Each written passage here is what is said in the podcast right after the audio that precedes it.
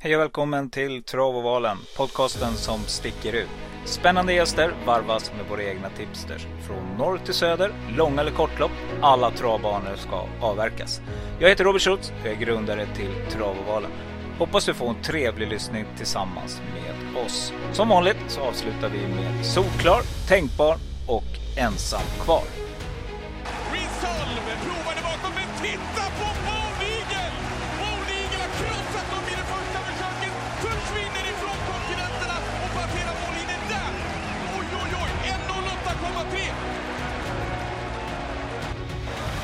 1.08,3! Åh herregud. Vänta Micke. Patrik, vad sa du för någonting? Ja, 1.08,3. Nej, jag är helt... Jag är helt borta. Maraja lutte pour les places. Jean-Michel Bazir avec Van Dijk attaqué par Maraja. Maraja retrouvé comme en 2011. Maraja la Suède. Maraja s'est retrouvé. Le retour, le comeback de Maraja le 17 novembre. Et Van le 4.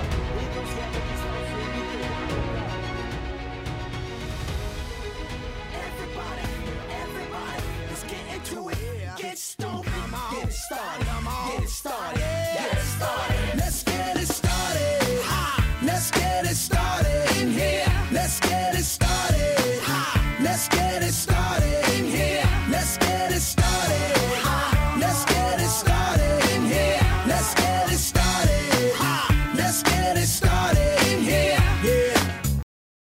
Ja, men då så. Då var vi framme vid avsnitt vet faktiskt inte vilket. Det är lite intressant. Jag har ingen koll på vilken, vilket avsnitt det är. Men det jag vet är att vi för första gången ska få stifta bekantskap med Robin Malmgren som till vardags jobbar på kanal 75.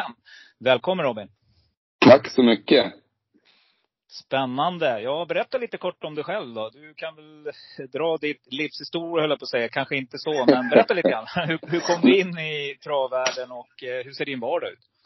Jag är 32 år gammal nu och har jobbat med eh, trav då, eh, professionellt ända sedan jag tog studenten. Eh, började gå på trav redan. Sundbyholmstravet i Eskilstuna, min hemmabana.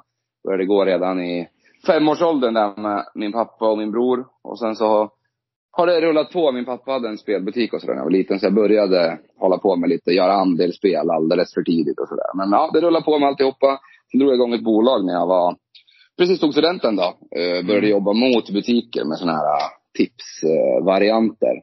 eh, väggtidningar och sånt där. Och så, Mhm. det ena gav det andra. Rullade på, sålde det. Eh, när jag var typ 21, 22 någonting och började jobba åt ett bolag i Växjö.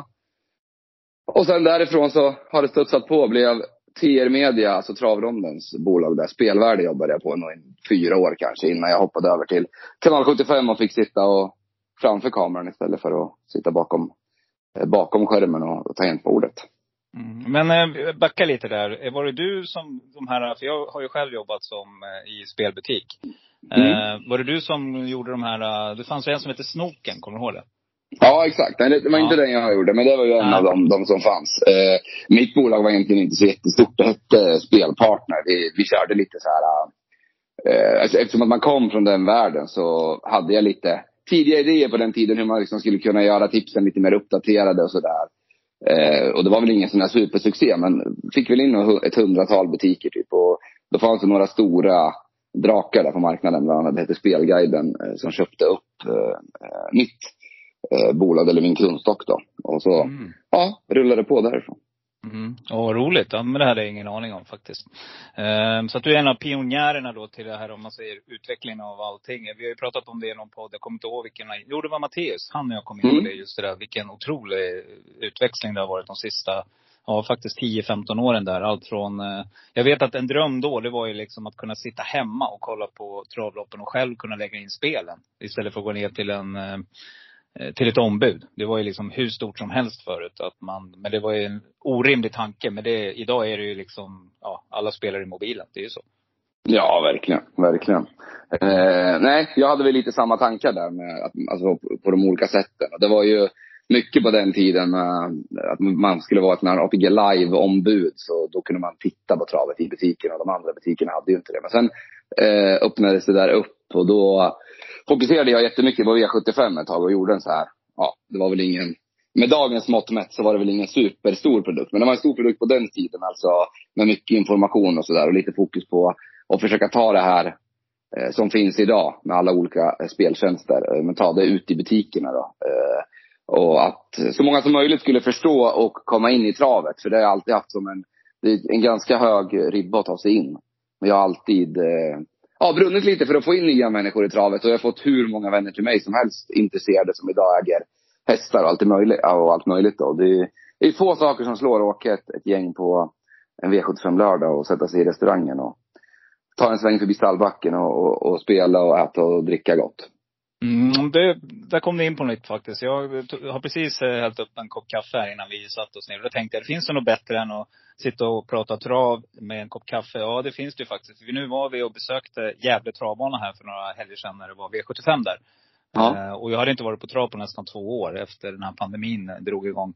Eh, ett och ett halvt år i alla fall. Och att sitta där och inte ha kaffe i glaset, kanske någonting annat och sitta och lite trevligt. Mm. Det, det, finns ingenting som slår det faktiskt. Det är helt obeskrivligt.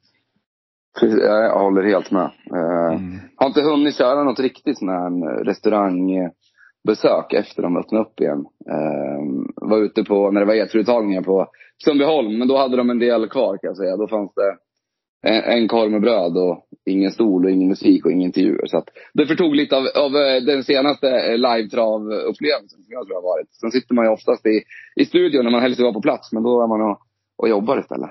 Ja, då är man eh, redig så att säga.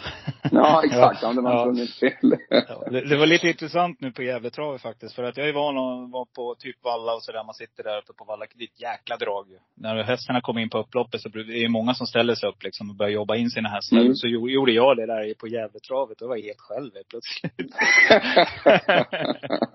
så jag liksom, oj Ja. hoppsan, får du ta det lite lugnt här idag. Men eh, ja, men det var, det var superkul i alla fall. Var det tidigt på eh, dagen eller? Vad sa du? Var det tidigt? Var det ett, av de första loppen eller? Folk hade inte kommit igång än kanske? Nej men det var nog, jag var ju med på V7 där. Jag satt ju med inför sista, hade tre hästar. Åkte ju dit på Mm. Chapy där. Eh, Okej. Hade hästar allt från 154 000 på, nu ska vi se, var det på um, eh, Morotai Degato. Och så hade jag ju. Claes Sjöströms där. Eh, och så hade jag ju Oxidizer. De tre Mm. hade jag. Så, så det var allt från 154 upp till, ja det blir nog 300 med sexor och sådär. Men där sprack jag. Men det var ju bara för att det var, det var bara du i hela restaurangen som var kvar. Så det var inte så konstigt att det var du som jobbade. Pre- Precis, det kanske var då jag satt och- Ja, jag, jag tänkte, tänkte inte på det. Ja, det var massa gravöl där inne också. Nej, men det var supertrevligt i alla fall att vara på plats. Men eh, du, du pratade lite grann om det, att du gillar det här och, och bjuda in nya människor in i trav. Det tycker jag är en jätteviktig grej. För att ni som jobbar där på ATG Liven eller Kanal 75 eller vad ni nu tillhör. Det är ju absolut ett av era viktigaste uppdrag kan jag tänka mig. Att locka in nya eh, slash kunder eller, eller medlemmar och sen liksom att, att eh, ut, utbilda dem i vad travet handlar om. Stämmer det? Ja, absolut. Alltså, det är väl ingenting så här direkt superuttalat. Vi pratar ju ofta om ribba, liksom, eh, vilken typ av sändning man gör och vad man kan ligga på för, för nivå. Sen tror jag att det där är ju liksom, det är komplext. eh, För att det är många som är intresserade och, och, och som kanske inte heller vill att det ska vara, hur ska man säga, mm, det är lätt att dra en parallell till fotboll där till exempel. Då, att om du sitter och tittar på Premier League en lördag så är det klart att nivån är betydligt högre där än när det är eh, en sändning från en mästerskapsmatch för Sverige där vi har så mycket bredare tittning. Och det är lite samma sak i travet att en V75-lördag så får man ju kanske vara lite mera liksom förklarande om du jobbar i, i tv-sändningen. Men sitter du och gör en eh, eftermiddagsbana eh, från Danmark, då är det kanske mera initierat folk som tittar. Och då kan man ju lägga ribban lite därefter. För jag tror också liksom att det får inte vara för förklarande hela tiden. För då tröttnar de som vill ta nästa steg och lära sig. Det måste liksom Mm. finnas olika nivåer så att man kan utvecklas med att man, att man tittar. Liksom. Och jag, jag tror att man gärna vill lära sig lite facktermer och sådär. Att inte allting behöver förklaras hela tiden. Utan ja, man, man, liksom den stora inkörsporten är ju ändå någonstans eh, lördagar och, och V75 och timmen i TV4 där. Och då måste man vara väldigt tydlig. Och så såklart våra storlopp, typ Elitloppet och så.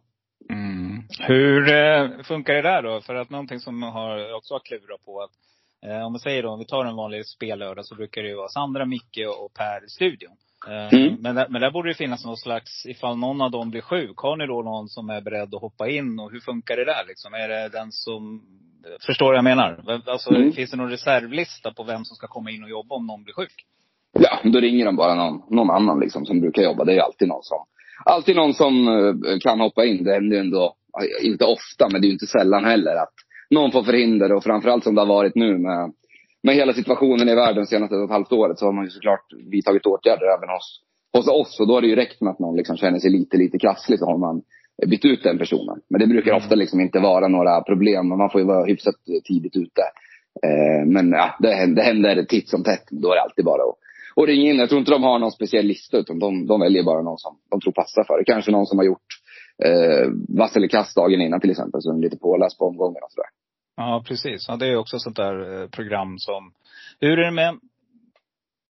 Du brukar ju vara med där eh, emellanåt. Men jag tänker Peter Andersson är med där också. Var med mycket mer i början Peter, vad jag kommer ihåg. Men det känns, ibland så känns det väldigt, det verkar som att ni har en tid att passa där. Att det är så otroligt stressigt just på det programmet. Har det med att göra att ni verkligen satt att nu ska det vara tio eller en kvart eller vad det kan vara? Är det så? Det var till exempel, ju spelade in det i, frågan det var i fredags kanske. Och då är vi helt beroende av, alltså vi har ju sändningstid i TV12 där till 15.00. Och eh, vart massa omstarter i, i sista V65-loppet. Och då måste vi invänta det. Och då äter ju det tid från vass eller kast. Och då blev det ju eh, betydligt stressigare än vad det blir till exempel till söndagen. Och det bandar vi ju då efter sändningarna. Då har vi ju mycket tid som helst i princip. Sen Ja. brukar, bruk, brukar vi försöka hålla ihop det så att det ska gå och sändas i, i ATG Live då, mellan två lopp. Så att det får inte Just vara det. längre än mm, kanske 15-16 minuter för att, för att man ska hinna med det. Ja, just det. Jag förstår. Det känns som att det är någonting sånt i alla fall som har styrt hela tiden. Ja, Eh, nej, men det jag är gillar den. Mm, jag gillar den man programformen. måste. Jag tycker den är bra. Tycker den är jättebra Ja. alltså. Mm. Mm. Eh, men du, som spelare då? Eh, jag vet inte, du, du nämnde det här med facktermer där. Staketkusk, det är en sån, något sånt där som jag eh, utnämner mig själv till. Jag är en staketkusk. Jag vet inte, har, du själv då? Har du tränat travhästar och kört travhästar eller är du som mig en staketkusk? Nej, jag är främst en, definitivt en. En staketkusk. Det är klart att jag har kört några hästar så där man har varit ute och gjort olika saker och spelat in någon, någon grej där man har kört. Eh, men det är ju ingenting jag gör till vardags så jag har aldrig jobbat med, med hästarna så. Så att, eh, nej, jag får definitivt säga att jag, är- att jag är en staketkusk. Man är skitduktig, eller hur? Kan allt. Ja, Ja. ja. precis. precis. Ja. Och spelfilosofi då brukar jag fråga om också. Alltså det, då tänker jag som spelare så, en del tar ju väldigt mycket intryck av värmningar, det är superviktigt. Eh, några går in i lopparkiven, fördjupar sig i dem. Eh, mina lyssnare vet hur jag tänker när jag gör mina lopp. Eh, statistik, en del går ju bara på statistik till exempel. Hur Mm. tänker du när du lägger upp? Säg att du ska damma på här nu, eh, V75 på lördag, superjackpot och allting. Vad, hur lägger du upp en, en sån, ett sånt system? Alltså det första för mig är alltid värdet i, i um, ja, den specifika loppet. Var hittar jag värdet i det här loppet? Alltså det, det sitter i, i modersmjölken tänkte jag säga, men i ryggmärgen i alla fall. Mm. Att, eh, alltså det är nästan det jag tror utgår egentligen från eh, insatsprocenten. Eh, det första. Och sen tror jag att det viktigaste nästan att lära sig, det är att lära sig att liksom sortera bort eh, allt det här som du, du får in. Att det är inte så himla viktigt med... Jag är inte så, så speciellt intresserad av varken intervjuer, värmningar, eh, ingenting egentligen när jag ska komponera mitt system. Mer än eh, intryck och eh, alltså loppscenario. Typ att, alltså tid, den, ska man lägga tid på någonting när man gör ett eh, travsystem så är det ju spetstiderna. För där får du ju inte bara hästen som sitter i ledningen. Det kanske inte är det viktigaste alla gånger. Det är ju jätteviktig, eh, eftersom flest lopp eh, vinns från den positionen då. Men även eh, att du kan få en idé om hur övriga fältet kommer formera sig och hur loppet blir kört. För tror man på en häst, då finns det en fråga man skulle, ska kunna eh, besvara tycker jag. Och det är hur ska det gå till? Du kan tro Mm. på hästen och att den är jättebra, men som det ser ut idag när alla är så himla jämna i, i framförallt på V75 i, i de olika klasserna. Då måste man ändå kunna ha en idé om, eh, kommer någon sätta upp tempo här? För du kan inte sitta och tro på någon är femte ut om det går 15 på varvet. Det, det, det funkar ju aldrig liksom. Nej, så Då kan hästen vara hur bra som helst. Du kör dem i badkaret då, de olika scenarierna och så tänker du att ja, nu kommer den här hästen att ta spets och då för att den inte bara ska rinna undan, då krävs det att det är någon som eh, vågar sätta upp, en Maestro Crow som kommer i tid och sätter upp tempot. Är det så du tänker då? Så att man, Exakt, ja, men det, det, kan ju vara, det kan ju vara ett exempel. Men det finns ju många. Alltså, Eh, ett bra exempel är väl, alltså derbyt på, på söndag då till exempel. Nu kanske jag föregår ditt eh, eh körschema här. Men Kör på, jag, kör tycker, på. jag tycker att det är ett bra exempel med, Ja. med hur, hur man kan liksom eh, fundera kring, kring det. Eh, framförallt då när eh, Örjan fick innerspår och så eh, har vi Per Nordström där eh, utvändigt om honom också. Eh, fråga ett i derbyt om man ska försöka köra det i någon form av badkar. Det är okej, vem tar ledningen av ett och tre? Eh, och, oavsett det så lär väl eh, Calgary Games söka sig fram eh, utvändigt om den som sitter i ledningen. Eh, Örjan, då finns det väl en viss chans till att han till och med kanske skulle kunna släppa med Bramblingen om det inte, även om det inte är sannolikt. Nordström tror jag inte släpper vad som än händer liksom. Um, och eftersom att Nordström förmodligen också lär gasa till ganska ordentligt så är väl han min spetsfavorit, kanske slutgiltiga där, även om jag tror att Örjan skulle kunna hålla upp om man vill. Men strunt samma. Eh, Calgary, Calgary Games hamnar utvändigt. Då har vi ändå en garant för att det blir någon form av, av tempo på loppet. Skulle jag tro då. Eh, Björn Goop kommer ju inte lägga något last från början. Han vill ha så mycket speed som möjligt kvar i samma motör. Och Claes Sjöström med spår 9 där med Chiro. Han har väl en uppgift på, på söndag. Och det är väl att sitta kloss i rygg på Björn så länge som det bara går. Och sen starta ut honom typ 800 kvar. Då har Claes en bra rygg. Eh, det borde ha gått snabbt där framme. Och då tycker jag till exempel att Chiro är en spelvärd eh, eh, en spelvärd häst. Jag tror att han stod på ATG där tio gånger i, i fast. Eh, och det tycker jag var, för jag tror att det är scenariot att han vinner det loppet oftare än en gång på tio. Och det är det man ska hela tiden bedöma. Mm. Om det är då- spelvärt eller inte helt enkelt. Och då ska man klura ut också var Kihlström hamnar med Brambling. Om han söker sig ut i spåret direkt och hamnar utvändigt, väntar på att bli avlöst. Eller om han chansar och ligger kvar och kan hamna allt från vinna hålet till andra, tredje invändigt. Mm, precis, men jag tänker att eh, Örjan där, i det här fallet då. Om han håller upp då kommer det ju kosta på för Brandling. Släpper Mm. han till Nordström, då blir han väl fast i säcken där alldeles oavsett. Med tanke på att man räknar väl ändå med att Calgary Games knappast kastar in handduken från, från Mm. utvändigt. Men Exakt. det är, jag tycker det är ett bra exempel på hur, alltså så går mina tankar kring, kring eh, eh, det loppet. Och så jag tänker jag ofta liksom i, absolut inte i alla lopp. För ibland så har man ju kanske inte en idé. Och då är det också, det är också en slutsats. Det ska man inte glömma bort. Sitter man och tittar på typ en spetsstrid, man får ingen rätt sida på den. Det är bra. Då kan du kanske inte heller gå på någonting i det här loppet. Utan då får Nej. du gå, gardera brett där och gå vidare och, och kika på det i nästa lopp. Eh, Ja. Alltså så. Nej men suveränt, precis. Det, det är väl lite, vi, vi tänker nog ganska lika här. Och eh, ehm, du nämnde att du går på intryck. Jag, jag kollar mycket förra loppet. Hur såg hästen ut sista, framförallt sista 100 metrarna? Jag brukar liksom kolla spetskörningen, precis som du säger. Hur placerar sig hästen? Hur startsnabb är han? Eller hon? Och sen ehm, kollar jag hur den avslutar. Eh, Det tycker Mm. jag är ganska ointressant många gånger i svensk trav i alla fall. Pratar man utländskt trav så är det inte alls på samma sätt. Men i svensk trav så är det ganska ointressant många gånger det som händer mitt emellan. Ja. Eh, ut- Utan man, man spolar fram helt enkelt och kollar i sista kurvan. Det brukar jag göra i alla fall. Mm. Och sen kan man väl väga in, det här är ju en hel vetenskap. Det går att skriva en bok bara om och, eh, alla saker, parametrar som, som man ska väga in. Och de betyder ju olika mycket olika gånger. Men en annan sak är väl att titta på typ, eh, framförallt kanske, eller jag skulle nog säga att det gäller alla i princip. Att okej, eh, ibland får man ju bara en uppenbarelse att det här är ju supermatchat för det här loppet. Och då, det är väl kanske en gång som jag tittar lite mindre på just intrycket från senaste. Alltså, det får inte varit dåligt, men det behöver inte heller varit eh, full, alltså fulla linor och, och liksom jätte, jätte tankat. Eh, utan då kan det ha varit att, man tar det som att eh, formen skulle sitta där till, till nästa start. Och ofta så kan man ju hästarna så pass bra att man vet att den här behöver jag ett bra intryck på senast för att tro på nu.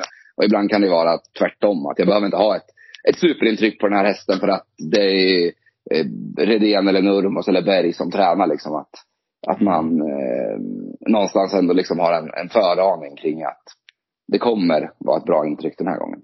Mm. Men då skulle vi göra en bok du och jag. Och liksom, Ja. en, en spe, eh, spelets ABC. Och eh, Ja. vägen, vägen till miljonerna på. Precis. Grymt! Hur, hur, hur är formen då Robin? Alltså spelarformen? Den har väl, skulle ändå säga att den har hackat lite sista tiden. Den var riktigt bra där i slutet på juli och början av augusti. Men sen dess har det faktiskt gått lite sämre. Eh, har varit riktigt nära på några större V7 och sådär på sistone men inte riktigt fått ihop det hela vägen. Och sen så då brukar man, efter man har haft ett sånt här flyt med dubblar och grejer, då brukar det backa lite. Så att nu har det faktiskt varit lite sämre sista två, veck, två tre veckorna skulle jag säga. Ja, det är som en annan. Det är formsvackor liksom. Men man tar Ja. sig ur dem. Rätt så det så smäller det till och så sitter den där. Ja, Eh, verkligen. det, det är så det är. Jaha, nej men grymt. Och då ska vi försöka släppa in Mr Peter Andersson som för andra gången ska vara med i podden. Eh, Spännande. Så vi, om vi lyckas med det här nu då. Ja. Det ska, det ska bara vara att lägga till. Vi ser här om vi får till den här.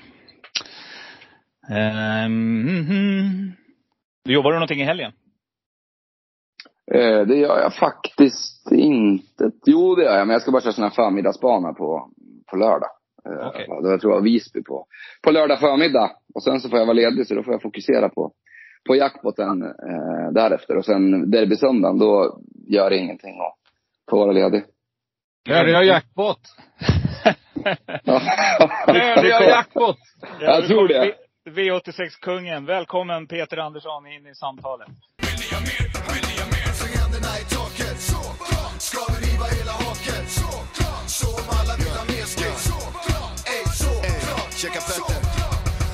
Ja men tack, äntligen. Ja. Jag har hängt på eh, låset.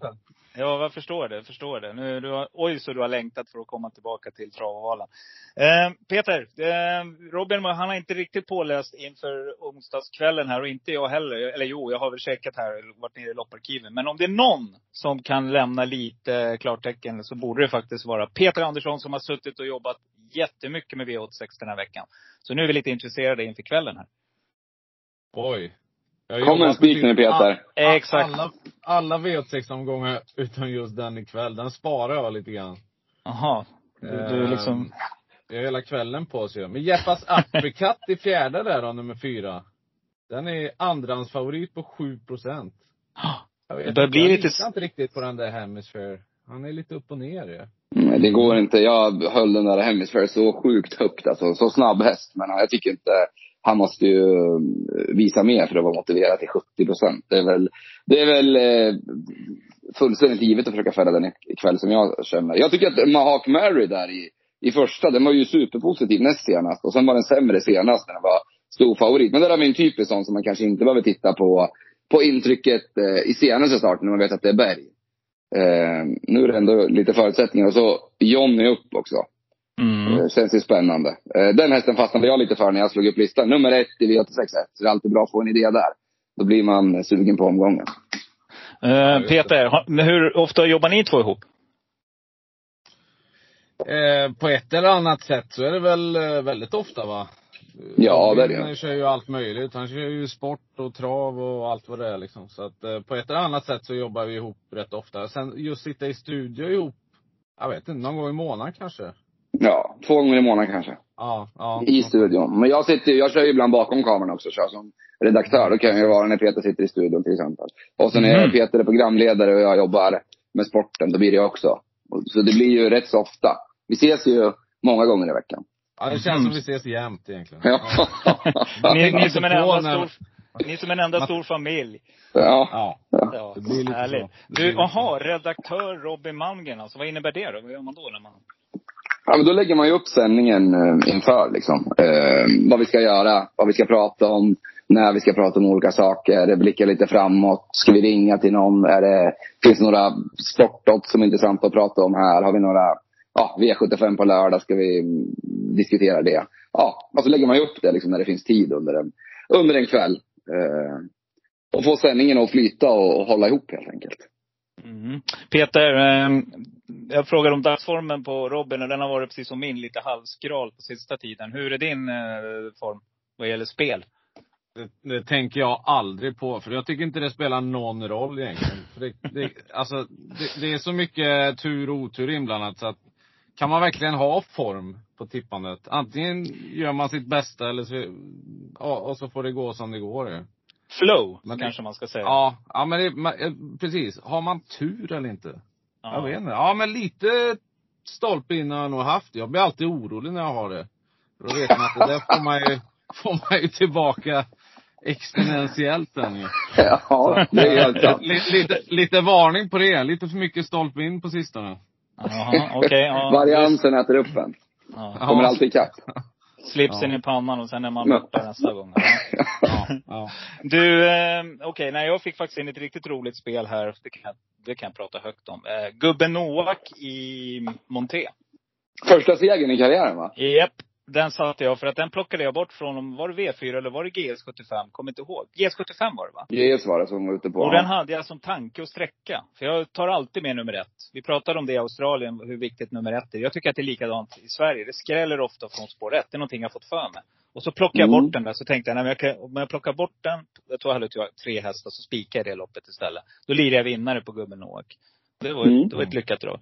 Ja. Första Så- segern så- i typ 44 eller någonting. Ja. Så det Austral... har- Ni har snackat spelteknik till Australien passgångarloppen nu? Ja. Jag täckte det mesta idag hittills. ja. Följer du det någonting Peter? Australien? Ja, men jag jobbar ju med det ibland. Ja, Redcliffe är ju favoritbanan. Man vet aldrig riktigt var de är på banan. Det är ju tre svängar här ju. Ja just det, the, the, the triangle. Den det är- triangle. ja. Där, är, där är det totalt omöjligt att ta en längd på den som har spår ett. Det går ju inte. Det spelar ingen roll. Ja. Det, du kan ju ha ett kylskåp från spår ett, men det går inte att komma förbi i alla fall.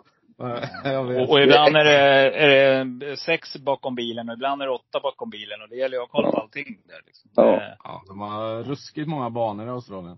Ja, men de har rätt så bra information kring banorna, vad som gäller i allting.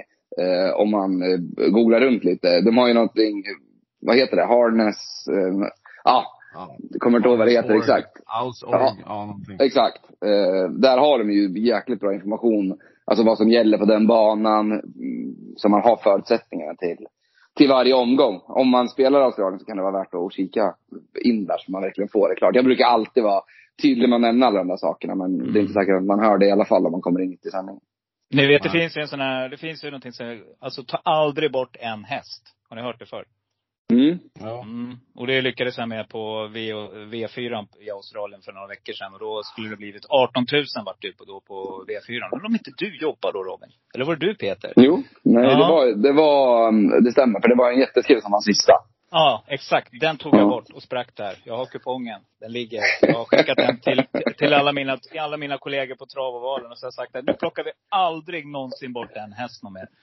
Ja, så den var tung. Jag hade lirat för 200 spänn eller något sånt där. Så det hade blivit en bra, snygg, snygg helgpeng där. Ja, Skitsamma. verkligen. Peter, 100 Mm. avsnitt. Det närmar sig för er. Det är bara ett kvar. Ja, eh, just det. Lördag hela veckan ja. Ja. Precis. Ja, det är galet att vi har hunnit göra så många. Det, det känns fortfarande lite nytt att göra det faktiskt.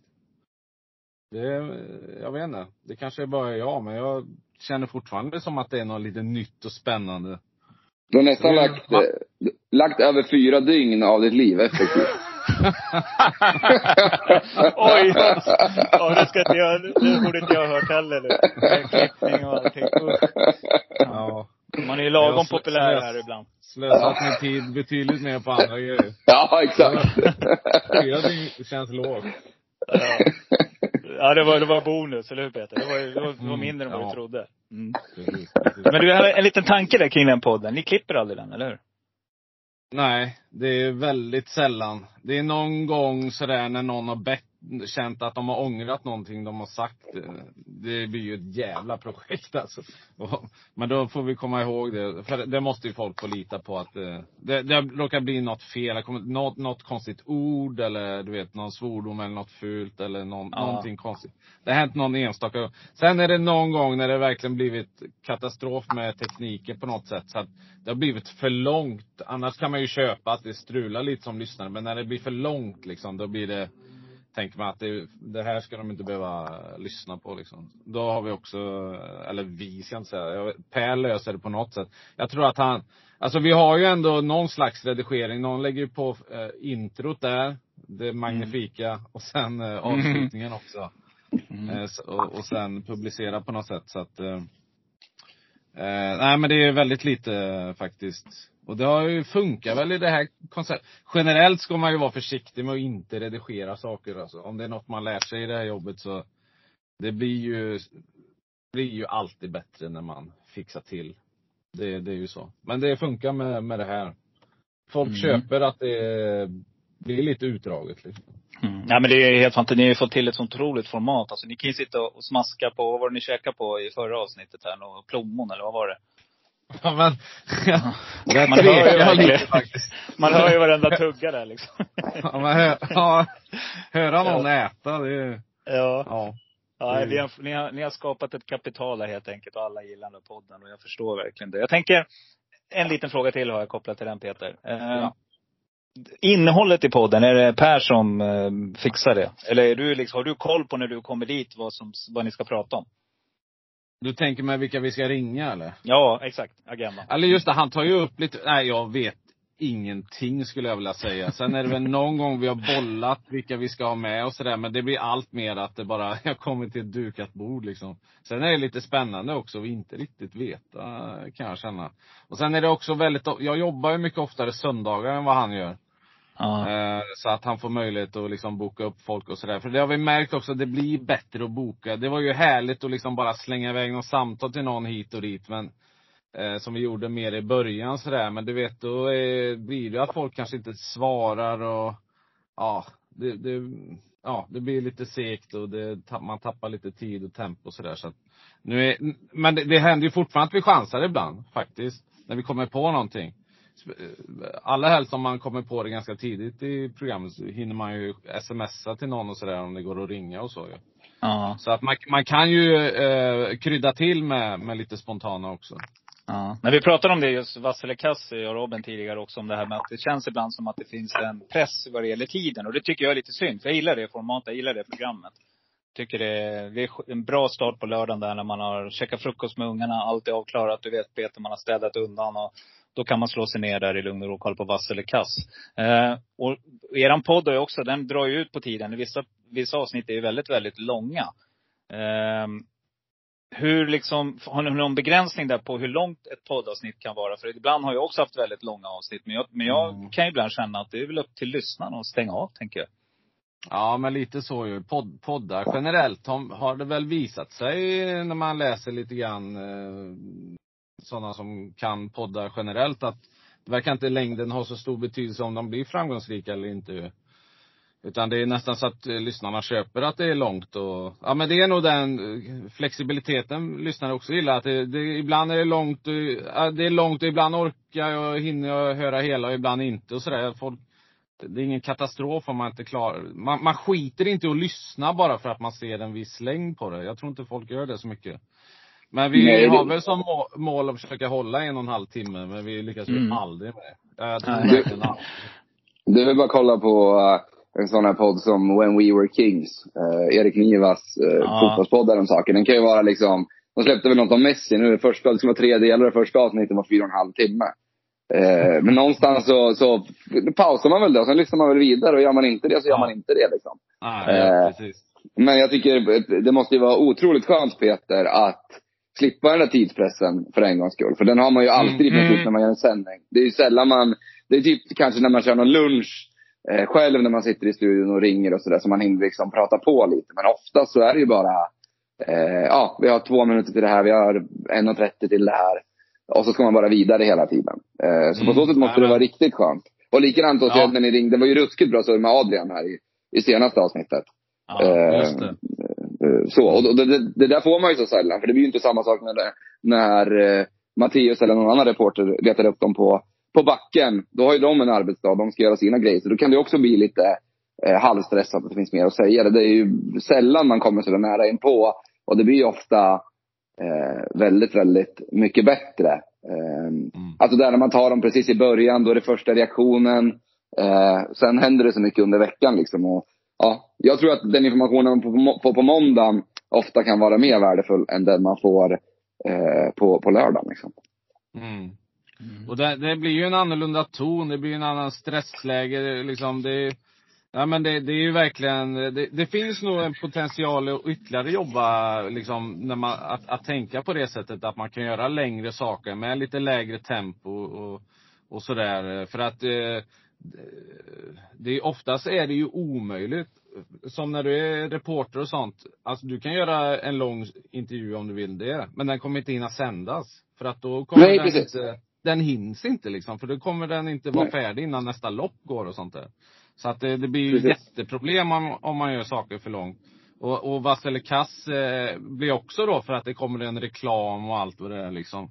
Eh, det finns inget program man får med själv tror jag i örat att man är för lång än i vass eller kass. Det är ju Nej, precis. Tungan sitter ju på andra sidan nästan när det är färdigt. Varje gång ju. Ja, det, och det, det är en känsla som sprider sig till tittaren, det kan jag säga. För att jag tänkte, men vad fan vad de stressar. Det, här, det är ju Mm. bra det här. Ligg kvar liksom. Var kvar i loppet och prata om den där superskrällen som kanske kan komma här nu. Och man hör ibland att Mm. ni har ju den där liksom, men man får inte riktigt, hur ska det gå till att den vinner, som du var inne på Robin. Eh, Nej, precis. Den biten. Men eh, ni Men får det- helt enkelt det- byta, ja. Ja men det finns, det är väl ett annat program då? Att man gör Mm. ett, ett nytt program eller eh, någonting som är lite mer, eh, som är längre och ger de, de som vill ha ännu mer tid till saker, att lyssna på det och ta in. Det, det, det tror jag, mer än att göra om Vas- Vasselkast så tror jag att det är ett annat Mm. program liksom. Jag, Mm. är ni, tillhör ni kanal 75 båda två? Ja då. Ja. Mm. För jag pratade med er chef där och jag skrev att jag tycker att ni ska ha ett program som heter Ensam kvar. För att själv personligen brukar jag ju eh, fokusera på att hitta skrällarna. För att hitta de här favoriterna, det är inte så svårt. För de pratar alla om. Du var lite inne på det eh, Peter också i början av veckan. Och då var du Robin. I början av veckan så får man en uppfattning. Det här är favoriten. Och så brukar det vara ganska konstant hela veckan. Men däremot att när man ska liksom hitta den där sista twitchen på systemet. Var hittar jag min 4-procentare, 7-procentaren? enprocenten. Mm. Det, det är jag väldigt intresserad av. Alltså den där sista, Mm. Mm. och få det lilla. Och det har hänt ibland. Alltså jag har snappat upp någon gång, jag vet Matteus någon gång har jag snappat upp. Och så lirar kvar. Jag vet inte ens varför jag pitar ner den där hästen. Men det är någonstans jag har hört någonting om den. Eh, Jag har inte sett den i lopparkivet, det är ingenting jag har noterat liksom. Men någonstans har jag hört om den där uh, Gullabo Black Bling, eller vad hette den där hästen som man Mm. tipsar om Mm. Och, då finns Exakt. det där. Och så, så prickar man ner den liksom. Och så sitter den, då blir man ju superglad sen. Sen kommer man på efteråt, vad var det jag hörde om den här? Jo, det var faktiskt i Jaha. V75 lördag hela veckan. Ja, Till exempel. Så Ja, att, eh, ja. li- lite, jag skrev till henne, jag tycker ni ska starta ett program som heter Ensam kvar. Eh, Så. Eh, Det men hade du, varit sjukt kul att göra. Ja. Vet, jag tänker Peter, eh, ni får helt enkelt byta signaturmelodi till eh, Karlavagnen. Ja, just det. Ja. Det var väl ett program som gick eh, väldigt sent, eh, som var väldigt ja, det håller populärt. på i- än, gör det inte det? Gör det Jo, det är det. Ja, det är det. Ja, Jag, ja, jag lyckades trilla över det. Gör är frekvent inringare. Vad pratar han då? Vad var det för ämne då? Nu blir jag nyfiken. Ja, hans, om hans jobb typ. Tror Okej. jag. Och kanske. Europe också. Europe, ja precis. Joey Du Tempest. får ta, du får ta Matteus i någon podd så får du fråga honom om Japp. Karlavagnen. Han är bokad. Han är bokad. Han, han och Eskil sitter i bilen hem från Åby eller någonting. Och så får Eskil sitta tyst och Mattias sitter och ringer Karlavagnen. Det kan jag se framför mig faktiskt. Mm. Ja, precis, precis. Uh, Eskil sitter på nålar då, eller hur? Ja. Spännande grabbar. Nej men vi, helt enkelt, vi ska försöka få någon struktur. Om vi, om vi bara lite snabbt eh, går igenom V86an ikväll. Jag, jag tycker ändå någonstans att, nej vi struntar i det förresten. Vi struntar i det. Vi kör så här, vi kör lördagen. Vi börjar med lördagen. Känns det okej? ja, Mm. absolut. Ja. Eh, V86an, det får vara ett annat. Eh, berätta lite om Robin. Eh, vad ska vi tänka på när det gäller Jägersro som bana?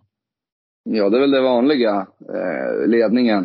Eh, jag tycker ju inte, Jägersro är ju inte någon av mina favoritbanor. Jag är väldigt glad för att de ska bygga om den banan. Eh, och, och göra det, förhoppningsvis att det, blir en 1200 meters bana då, eller 1400 meters bana där. Men nu är det ju allting man ska tänka på där är ju otroligt viktigt med ledningen. Det är, det är ju någon sjuk grej där i början av upploppet. Att man får typ två längder.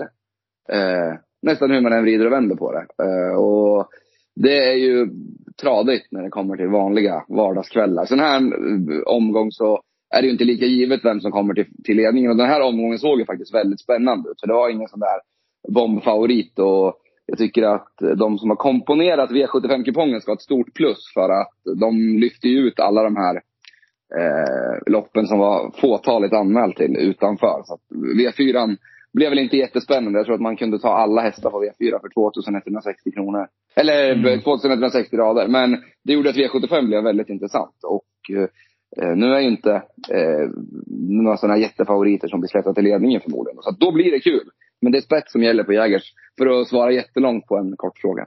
Mm, för det, man pratar om en nedförsbacke där på, eller hur? Att det är som en nedförsbacke när man kommer på upploppet. Mm, Men titta på det. Det, det blir alltså i, i utgången av, av sista sväng där så de får typ en och en halv, två längder. Nästan per automatik. Det, det ser, jag vet inte, det ser inte så ut på, på någon annan bana i princip. Och jag vet inte vad det beror på. Om man har försökt nysta det där. Men aldrig fått något riktigt så här tydligt svar va- varför det är just så. Men Men det är i alla fall den, det känslan man får verkligen. Eh, jag vet inte om man luras för att, men det är, det är ju hög andel spetsvinnare också, så att högre än på, på snittbanan. Så. att Det ligger väl Vilka- någonting i det. Vilka kuskar ska man se upp för Peter, på Jägersro? Ja, det vet jag inte om det skiljer mot andra banor. Men det är klart, det är ju, det är ju bra att vara där framme. Sen tycker jag det, skil, det har visat sig de sista åren ändå. Jag tycker just V75 på Jägersro har ryckt upp sig med att det går att liksom vinna bakifrån och kanske att man ibland överskattar ledningen lite, att man kör för hårt mot varandra. Det är, det är viktigt att det liksom går för fort. Det räcker ju inte att ett helt lopp går fort, utan någonstans måste det gå för fort så att de får den där mjölksyran och, och tröttnar. Eh, och det har ändå eh, hänt en del tycker jag de senaste åren på V75. För förr var det ju hopplöst att försöka hitta någonting eh, på Jägers. Sen tycker jag fortfarande vardagstravet är fortfarande ganska hopplöst för det mesta. Men Mm. på, eh, ja, nej men när det gäller V75 så med kuskarna, det, det är ju sådana som är lite vakna från början har ju ett plus såklart. Björn och Erik och vad har vi mer? Jeppsson. Sådana gubbar trivs nog lite extra tror jag. Mm. Untersteiner sitter ju bakom favoriten i första avdelningen. Nu, nu ramlar vi rakt in. 2140 meter volt, bronsdivisionen ska vi inleda med. Och nummer sex, Grandfather Bill, är just nu ganska stort spelad favorit. Tätt följd, eller inte tätt följd, men följd av nummer två, Astronacenter Sack med Björn Goop. Här blir det då det du är inne på Peter, att det blir lite viktigt att man kanske som kusk känner till banan. Och det är ju Peter Untersteiner som tränar favoriten, men Johan som kör. Hur tänker vi kring det här loppet? Ja, men det, är, ju- det svåra här är ju det här med våldstarten på de här hästarna. De har ju, visst har de startat i det, men det har gått lite långt mellan gångerna på vissa håll och sådär. Så de är väldigt svåra att jämföra i startsnabbhet. De är ju kvicka 1, 2, 6. Och jag förstår att sex Grandfather Bill blir väldigt hårt betrodd i och med att han har sina raka segrar och sådär. Och han har ju visat att han är snabb ut med volt. Allting ser ju bra ut egentligen, men eh, jag litar inte på den fullt ut. Det är klart att det är, ingen kass favorit. Men de, de behöver ju växla ner i vagn här nu då till vanlig istället för amerikansk. Det tycker jag alltid man ska ta till sig liksom när det är en favorit på V75. Vissa hästar är det ju- det gör ändå skillnad på om de vinner eller inte på V75 då. Eh, och sen då ett VNEC, den tycker jag är mest spännande i det här loppet. Jag gillade verkligen sättet den vann på senast. Det kändes som det inte var tomt och den kommer in i det här loppet på ett väldigt bra sätt. Det är ett par starter nu den har gjort efter kortare uppehåll också. Så att det är nog ett väldigt bra, en väldigt bra insats på gång där. Och den är ju snabb iväg. Jag, jag kan inte säga om han klarar att hålla ledningen eller inte, men jag tror definitivt att chansen finns. Och jag är ju helt säker på att han får ett bra lopp. Jag hade ju väldigt gärna sett den i tät BNC. Han lär väl köra där om det går, om han håller upp. Vad tänker du Robin? Har du samma tankar där? Alltså, mm, gällande Grandfather Bill där. Det är ju en häst som jag har följt väldigt noga genom hela karriären. För Robert Berg var otroligt uppåt på den på Solvalla, typ en kriterielördag för, känns som att det var typ hundra år sedan. Ja, det måste. Eh, Apropå men den var i alla komma fall, ihåg hästar. precis. Eh, om jag nu, ja.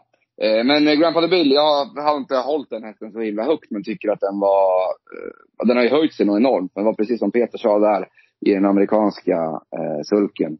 Så har ju gjort sitt för Grandfather Bill. Och nu är det vanlig vagn. Jag trodde definitivt att Johan skulle kunna skicka den till ledningen. Jag får feeling på att den är väldigt rapp i benen. Och den som vinner spetsstriden i V751 kommer nog ha väldigt goda möjligheter att, att hålla undan. Jag fastnar ju inte så mycket för Astrona Center Sack. Jag blev besviken på det många gånger. Eh, det kommer bli ett sånt här lopp där man, det är åtminstone jag kommer gå ganska brett. Och så kommer det väl sluta med att ledaren rinner undan i alla fall. Eh, Ankel Tull nummer nio, eh, lite minus där utan den amerikanska sulken på också. Men André i alla fall haft ett fantastiskt år och han eh, säger att, eller han var, sa ju eh, efter senast där att nu är den på gång på allvar. Så att, eh, kanske eh, Ankel Tull. Sen Face ska man väl inte glömma heller.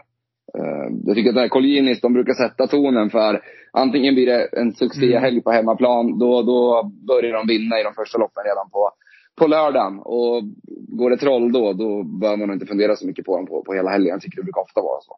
Mm. Eh, ska man gå på det du var inne på Peter, så Venitsid, hon har ju, eller han har ju startat med voltstart här.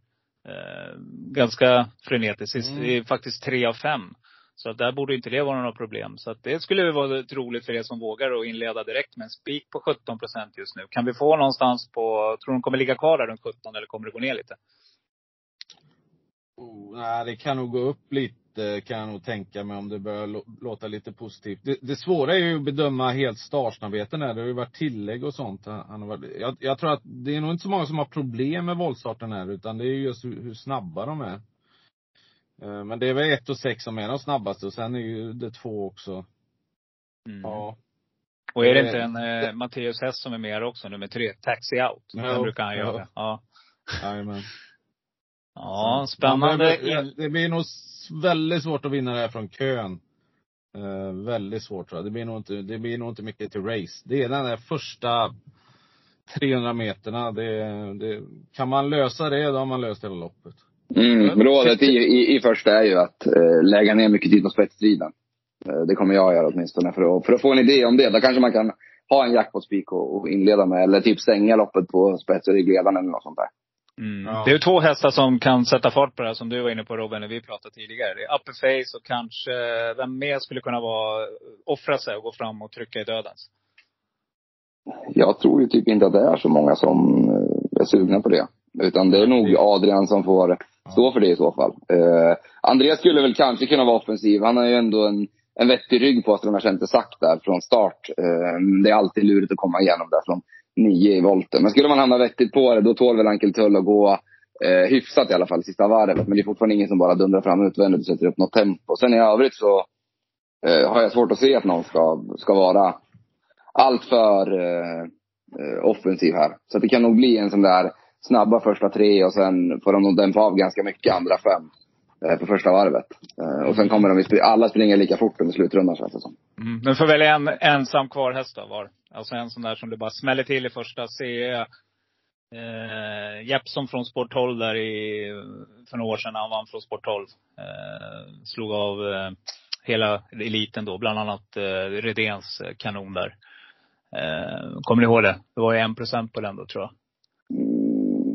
Jeppsson, han är bra på att vinna med lågprocentare. Nu är det står Ja. stilla. Är det något storlopp eller? Activate. Ja, ja, ja. Activate, ja. Ja. Eh, finns det någon sån Eh, här? eh, För mig är ju den enda den lågprocentare som jag får någon form av riktig feeling för är väl ändå upper face. För det finns ju kunnandet. Eh, Adrian kommer väl ändå kunna hamna bra på det. Han kan ändå hamna utvändigt ledaren. Utvändigt ledaren är ju en underskattad position generellt skulle jag säga. Eh, skulle den här amerikanska sulken, om vi säger att sex spetsar och sju hamnar utvändigt. Eh, och den amerikanska sulken fattas på, eh, på eh, Grandfather Bill. Att han presterar några procent sämre då, då skulle jag inte bli förvånad om Adrian nyper han. Så att eh, upper face tycker jag är ett mest spännande faktiskt, i första. Peter, Peters, ensam kvar. Oh, i första. Mm. Jag har ingen riktig skrällkänsla här faktiskt. Men ja, av de som är under 10 procent, då är det väl upper face. Definitivt. Jag, jag delar den i sånt fall. Kanske Anke Tull. Ja, jag vet inte. Det gick Ja, men nog programtiden ut för Vass eller Kass förresten. Bra som måttstock. Mm. Det är han i en avdelning. Exakt. Ja. ja, men då säger jag Luke Håleryd då, som jag tycker är en sån där häst. Och Stefan Perssons form tycker jag har sett, med sett att den är på väg uppåt också. Så att, eh, jag var lite nattsvart ett tag, men jag tycker att han vinner mer och mer lopp nu. Så att, passa upp för nummer fem, Luke Håleryd säger jag då. Yes, V752, 2, 2640 meter och vi kommer till klass 2. Och klass 2 brukar ju vara en sån där klassisk, om man ska prata det, eh, lopp där det brukar kunna smälla. Favorit just nu är ju nummer tre, Kapten Brodde. Ska ut på långresa, Timo Nurmos springare. Och jag har hört någonstans att det är här man börjar. Om man ska tveka på den hästen så är det just det här med långresa och Nurmos som man pratar om. Eh, Peter, hur kommer du lösa det här loppet? Ja, men jag, jag tror favoriten har jättechans att vinna det här faktiskt. Det är klart att man ska alltid tänka på när de är orutinerade hästarna och de ska ut och långresa och sådär. Det är ju, man vet ju inte hur de hanterar det. Eh, men jag tyckte han såg så himla lugn och fin ut senast och, och smidig och allting och kapaciteten vet vi är hög och lopp i kroppen, bra läge. Det, det är ju det här med resan. Det, det ser jag som det enda emot egentligen. Jag, jag tror inte de andra har en chans ärligt talat. Nej, Robin? Här har vi en sån här klassisk eh, eh, grej som jag tycker är viktig att tänka på, på två hästar. På Kapten Brodde där, eh, det har ju alltid varit en stor debatt kring ändringar i många år. Nu har vi vagninfon och så vidare. Eh, och det finns alltid från aktiva sida att eh, det kan ändå inte ni kan inte spelarna kanske bedöma alla gånger. Men eh, det är en ändring i alla fall. Och då ser vi att det lyser rött på vagn och på balans. Och så har vi långresa på det. det är, ändringar eh, för mig är alltid bara intressanta på hästar som är mindre spelare. För vi vet inte hur det slår. Ja. Man kan ana, man kan höra från stallet, men man vet inte. Man har ingen, man har ingen kvitto på det överhuvudtaget. Vilket gör att över 60 procent, vilket Kapten Brodde säkert kommer att bli, eh, är helt ointressant för mig. Eh, jag tycker att det finns ytterligare en grej här som, är så här, som jag tycker är jätteviktig att komma ihåg. Sex Parker, eh, det, kommer, det försvinner det bort lite nu. Att hästen tävlade barfota runt om för första gången senast. Men han var ute i derbykval då och gick bra som trea. Eh, den effekten av barfotan är ju synad på ett sätt. Men egentligen skulle jag säga att det blir första barfota på riktigt nu. För nu är han ju i sin klass. Han mötte ju Chiro och Titan Yoda senast. Mm. Eh, och var ju en bit efter dem i mål. Men eh, båda de två hade väl haft väldigt goda chanser i, i det här loppet så att säga. Eh, så att den där barfotan ser jag lite som första barfota i, i, eh, i sin egen klass. Eh, och det vill jag ha syn på. Eh, det är i kombination med att eh, eh, Kapten Brodde definitivt skulle kunna eh, göra bort sig. Eh, alltså just med den amerikanska sulken på, på, för första gången på, på en jättefavorit. Jag tycker då ringer varningsklockorna för min del. Mm. Och då 17 procent just nu, då är det för alla er ni som lyssnar här, det är ett väldigt roligt spikförslag. Om man sitter med ett litet system och man inte vill spika storfavoriter så skulle det kunna vara ett jättekul alternativ. Har vi någon eh, superskräll här, det vill säga ensam kvar? Är det någon häst ni ser som skulle kunna smälla till här? Jag tycker väl att, eh, att eh, Fyra Vasco i så fall. Den har ju ändå eh, fin stam och det finns ju kunnande där i, i grunden. Eh, dessutom Johan och Peter och vettigt läge. Eh, sen kanske ryggledaren då för två Call to the Bar som står fint inne i klassen. Jag vet inte. Vad tycker du Peter? Ja, ja, det var den jag tänkte på. Den öppnar ju bra ju. Får ett bra läge på innerspår och det kanske blir barfota. Så. Det skulle vara den då. Mm, då har vi, tillbaka till spelskolan, så har vi lärt oss att förändringar på en häst som ska prestera bättre, där har vi det då till exempel på Call to the Bar. Där kan det slå väl ut, det kan gå åt helskotta, vem vet. Men det skulle också kunna innebära ryggledan och ja, fritt på upploppet, då kan allting hända. Grymt! Ja, men härligt. Då har vi liksom Mm. fällt en stor favorit, eller så har storfavoriten länsat undan. Det var en liten duell där mellan Robin och eh, Peter helt enkelt. Spännande, det ska jag komma ihåg. Men, men, men, eh, men apropå Kapten Brodde med förändringarna där. Jag, jag känner att förändringarna är ju liksom inte nödvändiga för att han ska vinna det här eller för att han ska vara en bra favorit. Så att jag Nej. tänker ju att de testar av lite grann, kollar i värmningen och minsta lilla så att det inte skulle vara förbättrande eller så. Så får de väl avstå det helt enkelt. En Det var- där också. Ja, exakt. Nej, men det var ju en annan eh, Nurmos-häst som var stor favorit här. Kan det ha varit typ i våras eller i somras? Nu kommer jag inte ihåg vilken det var. Eh, men som det var sådär bra snack på. Eh, men jag blir, blir alltid lite bakrädd för att Nurmos gör ju inga ändringar i onödan. Vad är det han ska testa mot? Och då är det i så fall att han ska testa mot eh, eh typ Breeders Crown eller någonting då. Eh, senare. För att se liksom effekten. Men varför ska man göra det på V75 då? Jag känner alltid lite att eh, oj, ja, ska man ana lite ugglor i mossen? Att hästen kanske inte är så extremt bra. Jag kommer inte ihåg vilken häst det var som, som de gjorde allt det här på. Men den brände ju eh, den gången. Och sen säger inte jag, man kan inte se Kapten Brodde. Det är klart att han ser ut att vara jättebra. Men Nurmos brukar inte ändra i onödan. Så att, eh, ja, jag tänker att han kanske vill klämma ur någon form av, någon ytterligare procent om det här ska kvarstå. Och då gör det att jag blir lite bakrädd. Mm. Ja, större favoriter har fallit, absolut. Mm. Men eh, bra häst är det. Kapabel är han som tusan. Men eh, mm, jag är nog inne lite på din linje här Robin. Jag kommer försöka att fälla den här. Eh, hur många jag tar med, det vet jag inte. Men några hästar kommer nog krävas i alla fall. Ni har nämnt dem. Ni nämnde eh, Parker där. Call to the Bar tycker jag är intressant. Spår 1 plockar jag alltid med. Kristoffer Eriksson kör den. Protector Tile. Så att ja, jag tycker det här är klart intressant. Johnny Takti ligger och lurar vassen med nummer 9, Ups Face. Och det kan ju vara en sån där häst som, ja, ensam kvar helt enkelt. V753, eh, två set 140 meter autostart och silverdivisionen. Och silverdivisionen är vi ofta bortskämda med, tycker jag, och ser väldigt, väldigt fina lopp. Och det, det här loppet är inget undantag, utan det här kommer vi åka av, jag är helt övertygad om. Och nummer fyra, Bear Time, är, ja, man säger Bear Time eller Bear Time, jag vet inte riktigt. Men det är Carl-Johan Jeppsson som kör och eh, dojorna är kvar på den här hästen för att man är ju rädd om hovarna. Eh, är det en sund favorit, Peter? Ah, nej, tveksamt ändå tycker jag. Det är ju väldigt annorlunda med att ta ställning eh, för honom som favorit på V75. Han är ju alltid bortlottad skräll eller Alltså han tillhör ju inte favoriten på V75 någon gång egentligen ju.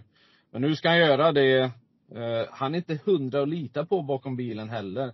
Alltså jag älskar ju intrycken på honom på sistone med amerikanska sulkin. Mm. Men just som favorit eh, litar jag inte riktigt på honom. Det kan bli galopp och det kan bli en väldigt hård öppning också. De vill ju dit med, med andra hästar naturligtvis. Så, eh, då får vi se. Det kanske är så att han bara går ut och levererar på beställning men eh, det tycker jag att han behöver visa innan jag köper honom som favorit. Jag gillar den här 12 emoji väldigt mycket. Jag gick in och kollade när han var i Norge senast. Vann från dödens där med amerikansk sulky. De fortsätter med den. Eh, och, och blir det det här tempot då som, som jag är inne på. Då tror jag att den skulle kunna hinna dit faktiskt. Mm. Mm, det Fleming har, verkar ju ha kanonform på, på grejerna Mm. just nu. Så att det är med. inget uttal om det. Stallform, verkligen. Eh, 10 procent just nu, bara. Ja, nej men det är lagom. Man behöver ha Mm. fler naturligtvis, men jag vill varna lite extra för emoji. Mm. Eh, Robin? Nej, Peter vill jag inte göra något system ihop på lördag för att... eh, Jag får blanda Nej, ihop. Ja, ja, jag tycker Beartime var så ofantligt bra senast alltså. Eh, bakspår där i, i finalen och ja, det, det var en sån där man kan ta med sig intrycket hela vägen hem på. Eh, jag är väldigt snabb ut, jag köper in mig på det där att han kanske inte är den mest stabila. Men det står väl i programmet här att tre kung Edward eh, eh spetsar, men den kommer man väl med garanti att släppa med. Och då sitter väl fyra Beartime i ledningen. Eh, en sån som eh, Rotate till exempel eh, har ju gått otroligt bra hela året. Men den borde väl ändå vara lite retur snart. Vinna, att den ska plocka ner Beartime i knallform från utsidan är inte jag säker på. Den enda jag är rädd för det är ju den som Peter nämnde där, 12 emoji. För det är ju en kanonhäst. Men då tror jag att Erik måste, jag tror inte att han blåser ner dem bakifrån sista 600. Jag tror att han måste ta ett initiativ tidigt och eh, syna Beartime tidigt. Så för, för min del så här vid eh, rätt så tidigt i veckan så skulle jag definitivt kunna tänka mig att låsa på eh, 4 och 12 här. Ja, spännande. Vad heter det? Vi har ju en riktigt intressant spetsstrid tänker jag. Alltså, vi har ju väldigt startsnabba hästar. Tre Kung Edward, fyra Beartime, fem Sweetman och nummer sju Sandsjöns Enzo. Vem kommer inte ihåg Konrads laddning? Och är det inte så att, det glömde vi nämna tror jag, på, på Jägersro. Är det inte en vinklad vinge eller helt ute och cyklar? Jo, det tror jag de har väl. Och då skulle det betyda att man får lite skjuts därifrån i alla fall. Från 6, 7, Hade de 8. det att sluta med? Jäklar. Ja, det jag kanske var. Nej, det, lär- det, till spelarna så säger jag i alla fall att kolla upp det. För det skulle kunna betyda att Mark Elias laddar på här igen och då kommer det bli en ruggig körning. Jag har faktiskt ett ruggigt intressant drag här. En häst som jag har jagat. Men jag tänker kräma ur er först på ensam kvar. Vad har vi för hästar då? Börja med dig Robin. Eh, vad ska vi plocka fram då? Här vill man ju gärna ha någon som har gått med på, um, på innerspår i så fall. Eh, om man tänker att det ska bli, bli lite tryck på det. Men vem fan skulle kunna överraska här? Ska man nämna någon då? Jag vet inte. Ingo, jag vet inte. Det lyfter inte riktigt. Bortvald också. Det får väl nästan bli om man skulle svara för en sån här sjuk prestation igen då. Sanchons Enzo. Men, ah, Sweetman eh, Mm. får landa någon ändå. Jag, Det gör det tre, ja, jag, tre namn där. ja. men jag blev förvånad över att procenten var så pass låg. Jag trodde han skulle vara, vara mer spelad. Han var ju faktiskt anmäld till jubileumspokalen, men blev ju ut, eh, utpetad av att Aetos Kronos fick ett eh, wildcard. Och fick väl även eh, Hail Mary va? Ja. Eh, och han hade ju varit med i det loppet annars. Inte för att det säger någonting, men det säger väl någonting om att Lars ändå hade tänkt att eh, släppa med sig hästen hela vägen från Skåne till, till Valla och, och gå ut där. Att han borde haft det någorlunda i ordning i alla fall. Och det brukar ju ofta kunna hänga i ett par starter efter där. Eh, så att eh, Sweetman får väl bli det, eh, även om jag inte riktigt, eh, för han trivs väl allra bäst i ledningen. Och, ja, det skulle vara om Beartime hoppar bort sig, då sitter väl Sweetman i ledningen. Så att, eh, Mm, mm, eventuellt. Så att, den tycker jag är klart mest intressant efter, efter att ha nämnt halva fältet. mm. Peter? Ja, Du glömde ändå kung Edvard ju. Ja, exakt. Det kan ju du ta den då. Jag fick ledaren slut. Ja. Provade en norsk på honom senast ju. Jäklar vad det gav effekt. Borde kunna ge effekt en gång till. Han har ju sett bra ut i hur länge som helst. Men han har ju inte velat ta i till slut ju. Mm. Kanske, Nej, kanske absolut. att han skulle kunna. Ja, är det en sån där Mm. Matteus kommer att jaga reda på, på stallbacken? Det, kunna vara han, finns en risk att han börjar prata om Sukulane också. Mm, mm, just det. Eh, nej, men du nämnde den. Eh, du, du sa skrällen här, eh, Robin. Eh, jag har jagat nummer nio, Ingo, länge. Och det är en sån Mm. där, precis som Kristoffer Erikssons andra hästar, så det är inte riktigt klaffat. Det, har- mm, det är någonting som inte har till 100 procent fallit hela vägen ut. Men när det kommer att göra det, då kommer vi få se den där hästen vi- vinna cirkeln. Det är jag helt säker på. En procent. Jag har jagat den ett tag, jag kommer fortsätta jaga. Plockar jag med några hästar så tar jag med den helt klart. För den kommer att få ett fint lopp där på innerspår någonstans. Och eh, när den har toppform, då är den riktigt, riktigt bra. Så att eh, det är en sån där ensam kvar tycker jag. Med. Och André Eklund, har inte han kanonform just nu? Det har han absolut. Den hästen Intressant. kan ju bättre än vad han har visat här på sistone. Jag var lite besviken. Han kan ju klart bättre än det. Precis. Så att, eh, nej, jag, jag eh, förordar honom. Det är ett roligt streck. Om inte annat så platsspel kanske. Yes, V754, 2140 meter voltstart och ett fyraåringslopp här. Ehm, med en, tre hästar på start och resten står på tillägg. Och favorit just nu är eh, Nifor de Beau, är det så man säger? Eh, häst nummer åtta. Jerry Jordan springare som han lovordar. Tätt följd av nummer 10, Hannibal Face, som vi kunde höra dig, eh, er prata Peter med i, Mm. i V75 lördag hela veckan här. Det var en riktigt rolig eh, intervju tycker jag. Jag håller med dig där, eh, Robin, med Adrian. Mm. Eh, nej, jag gillar intrycket på Hannibal Face, men nu är jag väldigt nyfiken på hur ni tänker kring det här loppet. Jag tycker att det här är ett eh, svårt lopp. Det är det absolut. Jag tror stenhårt på Hannibal Face faktiskt.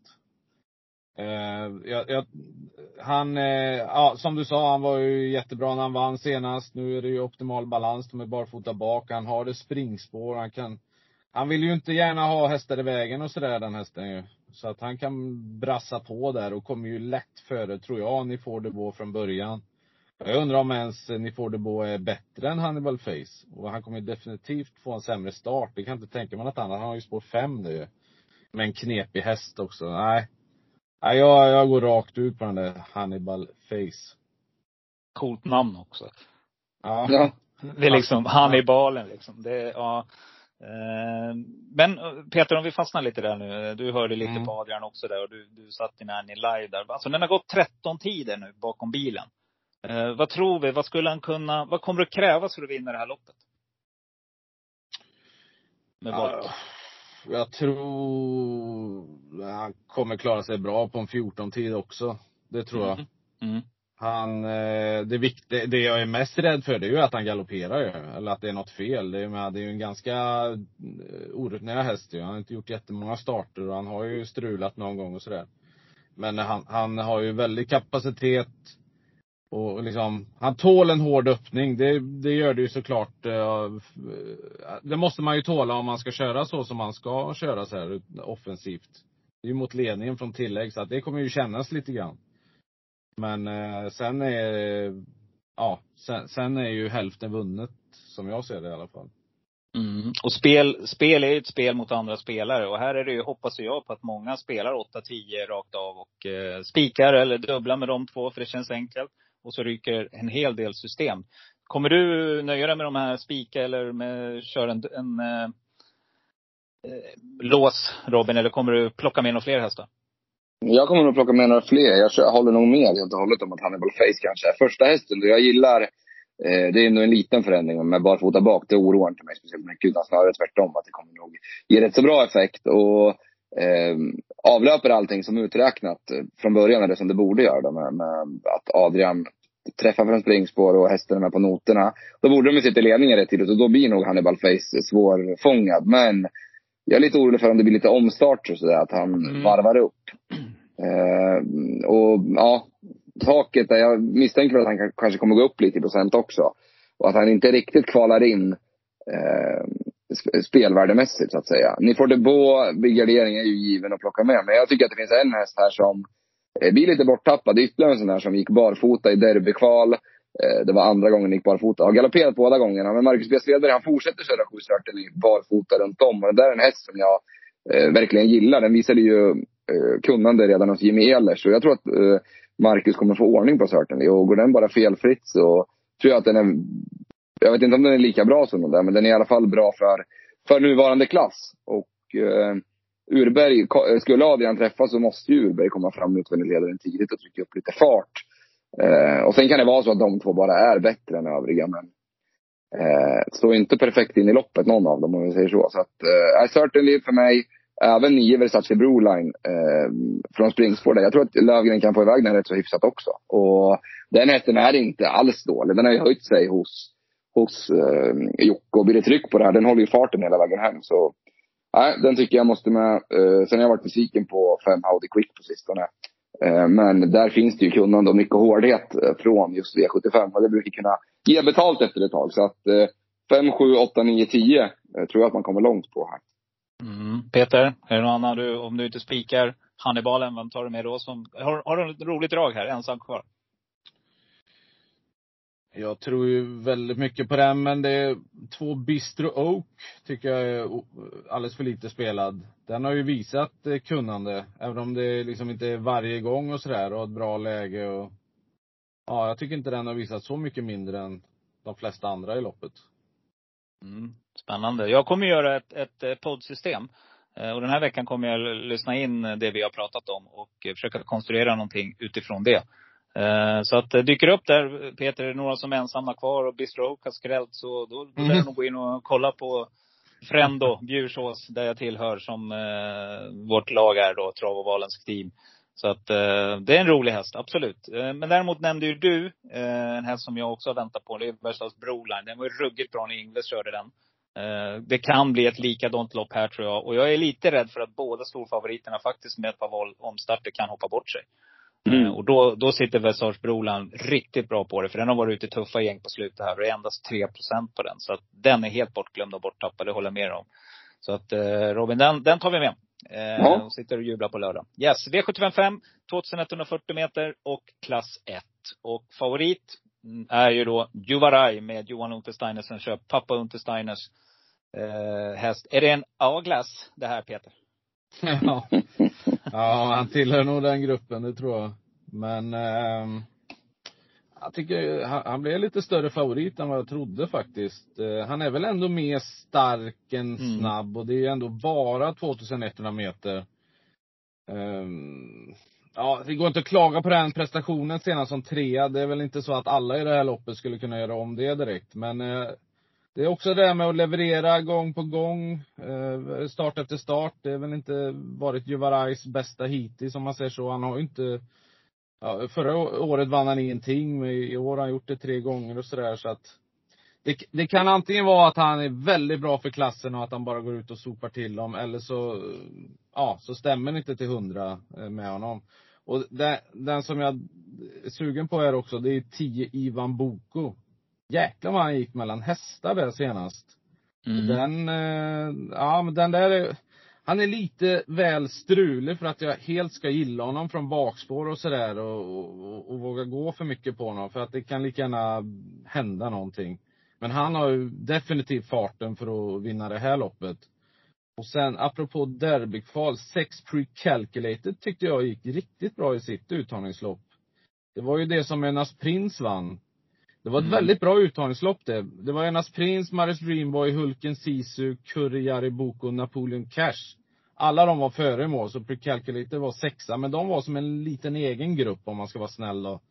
Eh, som gick i mål. Och han hade amerikansk sulke på sig då. Funkade jättefint i den.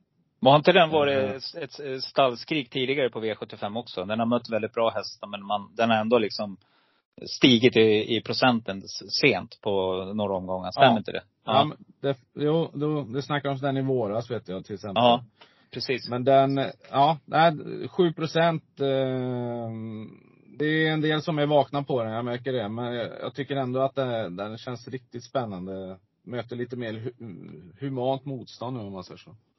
Mm. Robin? Eh, jag tycker det är förvånande att Juvaraj, jag vet inte hur pass klar favorit han blir i slutändan. Men, eh, det är en sån där, hur ska det gå till? Eh, att han bara ska blåsa ner den liksom ute i spåren, det, det är jag tveksam till om han har snabbheten för. Då måste Johan hitta någon väg fram och kunna sitta i slagläge varvet kvar. Det är inte omöjligt att han gör det. Och, och, och de var ju otroligt nöjda med, med hästen inför derbykvalen där. Så att formen sitter nog där. Men det är rejäl syn på den där. Jag eh, tänker inte ge upp eh, fem Axel Wind. Eh, det har ju varit lite av en besvikelse. Det var ju kommundraget, eh, eller världsdelsdraget skulle man kunna säga, där på Men när det var biken på och, och bakskorna av och eh, alla skulle gå på den. Men det var ju då Kondior var så otroligt bra. Ehm, sen hoppade han bort sig i Fuxloppet senast. Eh, Men det var ju voltstart och lite grisar och den, det bryr jag mig inte så mycket om. Jag tror att det finns mer att hämta i, i Axel Wind och nu är det Uffe upp igen och så biken på och barfota bak igen. Jag tror ändå Fredde har hittat Eh, alltså det finns en anledning till varför han har valt, valt just barfota bak och, och den amerikanska sulken. Jag tror att han är rätt säker på att det kommer ge effekt. Och han hyllar den här hästen väldigt mycket vet jag. Så att den tänker jag absolut inte rika på. Och sen eh, ett Bravo Sabotage, är inte det ledaren av loppet? Eh, Jo. det är en så här, äh, ja den är varken rolig eller tråkig men man lär inte åka på den i alla fall. För eh, det känns väl också som att Ola Samuelsson, eh, han kan det här med att vässa ordning till en specifik uppgift och det är väl det här han har haft siktet inställt på. Det har varit mycket strul med den. Jag pratade med honom eh, inför comebacken där, eh, 13 juli på Jägersro. Och då hade det varit massa strul med hästen. Då, så att den har fått några lopp i kroppen nu och jag tror att det har varit välbehövligt också. för Det sa han redan då. Eh, så att känslan är väl att han har matchat mot det här loppet. Ehm, och mycket väl skulle kunna eh, ja, leda runt om. Så att 1 och 5 tycker jag i första hand. Mm. Uh, Urberg är väl en, en duktig spetskusk också så att uh, uh, Ja, nej jag, jag har varit lite inne på det. Min känsla är kanske att jag ska chansspika faktiskt bra för sabotage här. För ni har ju precis sagt det, att de bra hästarna står på bakspår. Men jag tänker på en sån där uh, ensam kvar häst som skulle kunna slå till med när man minst anar. Är inte det nummer sju, Hindenburgarn?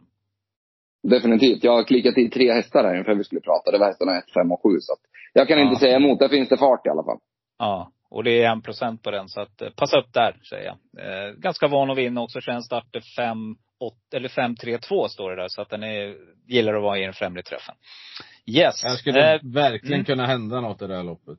Det skulle verkligen kunna hända något tror jag. eh, av Eh, de fem, är inte det, behöver nämna en skräll till där. För Mm. guds skull. Federer nummer 12. Alltså hur bra är inte han? Han är bra.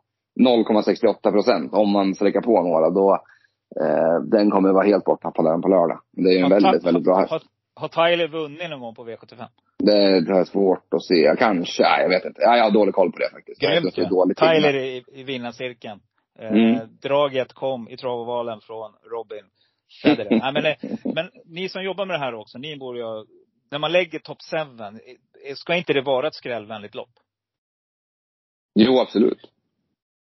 Jag Det tänker jag. att den som, den som gör den tänk, borde ju tänka till att här kan det, okej visst en favorit kan vinna, men bakom det så ska det vara ganska jämnt. Det ska vara svårt helt enkelt att få in de sju hästarna.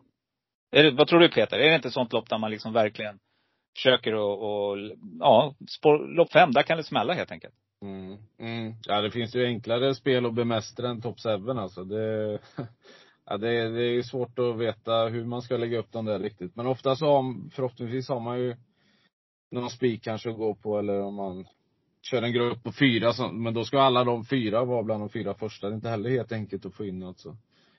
Så att, eh, Ska man, in, ja, ska man inte göra Top 7 till ett eh, totalt lottospel? Är inte, ja, min ta tanke kring det i alla fall är väl att man ska försöka hitta, eh, spika en vinnare och gärna spika tvåan i mål. Alltså att man hittar en, en tvilling i loppet eller en komb i loppet.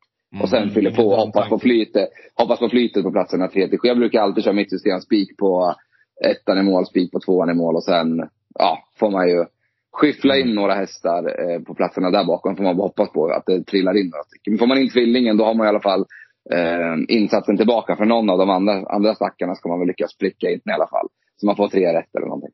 Mm. En av mina kollegor på travvalen, han satte ju en top 7 för några år sedan. Uh, lirade, han hade typ 25 kronor kvar och är det minsta insatsen 24 kronor tror jag eller något sånt där. Ja, jag tror Kan det. nog Så, han, stämma. så han, han dammade på den och sen hade han glömt bort att han hade lirat. Sen såg han, men vänta nu, det där känner jag igen liksom. Ja, och mycket riktigt så satt den. Det vart ju 6 eller 700 000. Ja, sådär ja. Tack för de pengarna, Ja. han då. Mm, han var med i tidningen. Hans ringde väl också tror jag. Det, det är väl en sån gång han ringer. Ehm, Mm, ska jag nämna någon här då, som lite roligt drag. Ni har ju nämnt det mesta tycker jag. Jag tror ju mycket på Bravo Sabotage som sagt. Men eh, en sån där skrällkusk, det är ju Peter Ingves tycker jag. Han är ju, ibland brukar jag faktiskt när jag kritar dit skrällare, bara gå på kuskarna. Jag struntar i hästarna faktiskt. Och det är en sån där skrällkusk, eh, Peter Ingves.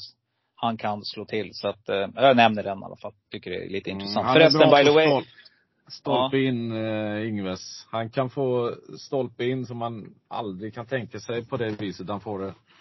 Jag vet inte hur han lyckas ibland alltså. Nej, han är, han är lurig alltså. Och eh, med det så lämnar vi, som Hultman sa, 7-Eleven i direktsändning. Ja. Top 7. Och i samma, i samma mening så nämnde han eh, Tarzan Melander som Sven Melander. Och det var ju vart inte heller så det. Ja. Det är måndagsbörsen. Nej, inte måndagsbörsen. Nu gjorde vi något roligt program där. Hur som helst. V76, 2140 meter voltstart, diamantstot. Och nu börjar Peter klivra på att, ja 20 minuter, det var ju roliga, det gick ju fort, eller hur? Tänkte du med Andreas Löfvall Ja. där. Ja, nu har vi suttit snart en timme här och då tänker jag, det här var jättekul. Så att 2140 meter, diamantstoet, favorit just nu är, mm, ska vi se, lite jämnt spelat här, men det är Carry Cash med Mm. Jörgen Westholm från ett, tycker jag, ett väldigt byngligt läge. Tätt följd av André Eklund, Minucci Zon och eh, 8 Hour med Kevin Oskarsson. Börjar du Robin? Ja, det här kan man säga på olika sätt. När vi börjar med Carry Cash där så är jag så oerhört förvånad över hur um, Westholm har matchat där på sistone. Alltså hästen går ju jättebra. Jag gillar verkligen den här hästen. Men han sa ju själv att den är bäst över kortdistans. Men det är ju aldrig kortlopp. Senast var det 3 och 1. Mm. Ehm, och, men jag menar att bara räkna med att Carey Cash ska gå runt om vem som helst som står där blir ju, alltså med det här utgångsläget, blir ju iskall. Eh, Minuts känns väl spännande, barfota runt om eh, för första gången. Eh, skulle väl kunna vara en sån där som rinner undan från ledningen, men det är väl ingenting jag vågar eh, lita fullt ut på. Eh, eight hour spikade, jag spikade, eller det var min enda spik där under jubileumspokalskvällen. Eh, och då levererade den. Jag var bra på Jägersro gången innan, även om det var en hel del stolpe in då. Eh, jag tycker väl att den är eh, given. Och ska man ha någon skräll, eh, ensam kvar hästen, eh, 14 IS Juvel. Jag vet att det är lika dåligt läge som Carry Cash. Men kanske att Erik söker ryggen på Westholm där. Intrycket var helt läskigt senast på Hagmyrorna. Så jag jobbade med den omgången. Och ja, som hon gick. Alltså jag väntar på att se henne i en lista igen. Det var synd att det blev det här utgångsläget. Hade den stått med typ ett springspår, då hade jag nog lämnat den ensam på, på kupongen. För nej, det där intrycket senast, det var otroligt bra. Eh, det var ju, Iceland Falls stod jättebra till i det loppet. Och eh, hade ett, en perfekt uppgift på förhand. Men stod ju helt utan chans trots att Iceland Falls var, rätt bra. Så var den ju helt chanslös mot ISJV. Så att, nej, den tycker jag verkligen måste passa. Och det här är väl ett lopp där man lär ta ett gäng eh, innan det är klart. Mm. Peter? Ja, min första tanken jag såg att Carrie Cash ska möta de här hästarna, hon, hon känns ju klart bättre än de andra. Men det är ju, det är täta starter, man ändrar tillbaka till vanlig vagn, tycker jag också är lite frågetecken. Man vet alla, de kan tappa lite trycket en del hästar. Eh, då ju. Eh, men gör de de loppen som hon har gjort innan, alltså gjort det här på sistone, då, då kan de ju definitivt lösa det här. Eh, men Minucci Zon utan skor är ju jättespännande med spetsläge också. Det skulle vara urryckare också tror jag. Mm. Så att en liten extra grej där. Och sen tyckte jag 8 The Primrose gjorde det rätt bra där senast. Eh, Det var ju Bring Me Wine som vann det utgångsloppet i derbystoet där. Jag tycker ändå, hon fick lite jobbig inledning på loppet. Jag, Mm. ja, men jag tyckte det var, det var lite bättre än vad man kunde förvänta sig. Och så att hon, eh, vad är hon på? 7 procent. Ja, Ja. det tycker jag är intressant. Ja, och Den har det, höjt sig. Ja, hon har det och eftersom vi redan har satt ett par skrällar här så blir 7% väldigt fint i, i avdelning 6. Så det är Peters eh, ensam kvar häst. Um, nej men jag tycker ni har sammanfattat det här loppet på ett riktigt, riktigt bra vis. Eh, det jag inte förstår bara, det är att Gary Cash är så stor favorit. Jag tycker inte, jag vet inte riktigt vad hon kan springa på den här distansen. Men jag tror att eh, kommer att rinna undan, kommer kunna springa någonstans låga 14 Eh, barfota om det faller väl ut. Och då ska hästarna där bak springa 13 som de brukar behöva göra för att vinna från bakspår i de här loppen. Och det brukar vara tufft. Alltså de här riktigt bra hästarna som är ute nu. Eh, vi har ju bland annat i nästa lopp, Ultra Bright och de här har ju stått på de här. Eh, det blir nästan som ett extra tillägg det här, på 60. De måste springa ner mot 12 alltså för att vinna. Jag vet inte riktigt om de klarar det. Men det är en häst här som jag har jagat ett tag igen. Och eh, spelar till 6% just nu och det är nummer sju, Greta Sisu. Den tycker jag är intressant. Det är Nurmos gamla, var ju Nurmos träning tidigare. Och hästen är på väg upp i form så jag slänger ut en liten varning. Hade spår 12 sist där och var bra fyra. Gick bra ut ur spåren. Passa upp säger jag. Yes, V75 har vi kommit fram till avslutningen. Och här hoppas man ju att man är med och här hoppas man att man har jättemycket pengar kvar. Framförallt sträckmöjligheter så att man kan eh, bara sträcka på. Eh, jag har ju ett eh, utgångsförslag här, men jag är väldigt nyfiken på att höra vad ni säger. Men eh, om inte den vinner, då tror jag att det är väldigt, väldigt öppet lopp. Eh, börjar du Peter? Ja, Miracle Tyler är ju favorit där på sin, eh, hon har ju tre raka, hon vann ju EM för ston senast. Men det var ju, hon fick ju det på silverfat och det var ingen jättebra upplaga så som de presterade hästarna tycker jag. Man ska inte överskatta den prestationen. Fem Heaven Boko siktades ju mot det loppet men kom inte med där. Eh, och såg ju riktigt bra ut efter galoppen där senast. Hon var ju överladdad ju. Den, den tror jag kommer vara fruktansvärt bra alltså, fem Heaven Boko. Nu, nu får hon utlopp för den EM-formen i det här loppet istället och äh, jag, jag tror att det kommer vara en riktig sån där tokprestation på gång. Finns alltid risken att någon kommer och liksom få smyga med och spida ner till slut då. De är ju rätt bra. Det är ju, det, det är ju, det är flera bra hästar med här. Men Heaven Boko, om jag ska nämna en ordentligt i avslutningen. Mm.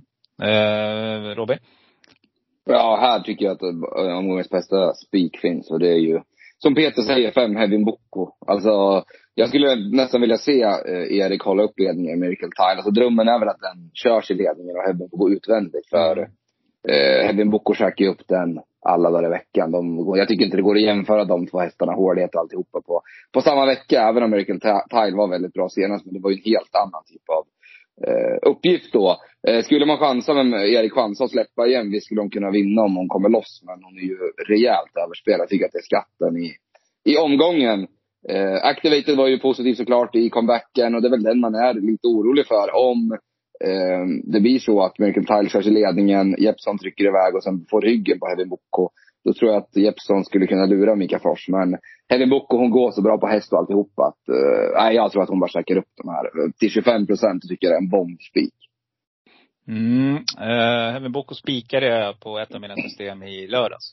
Eh, så att till min förtreta så galopperar hon ju då.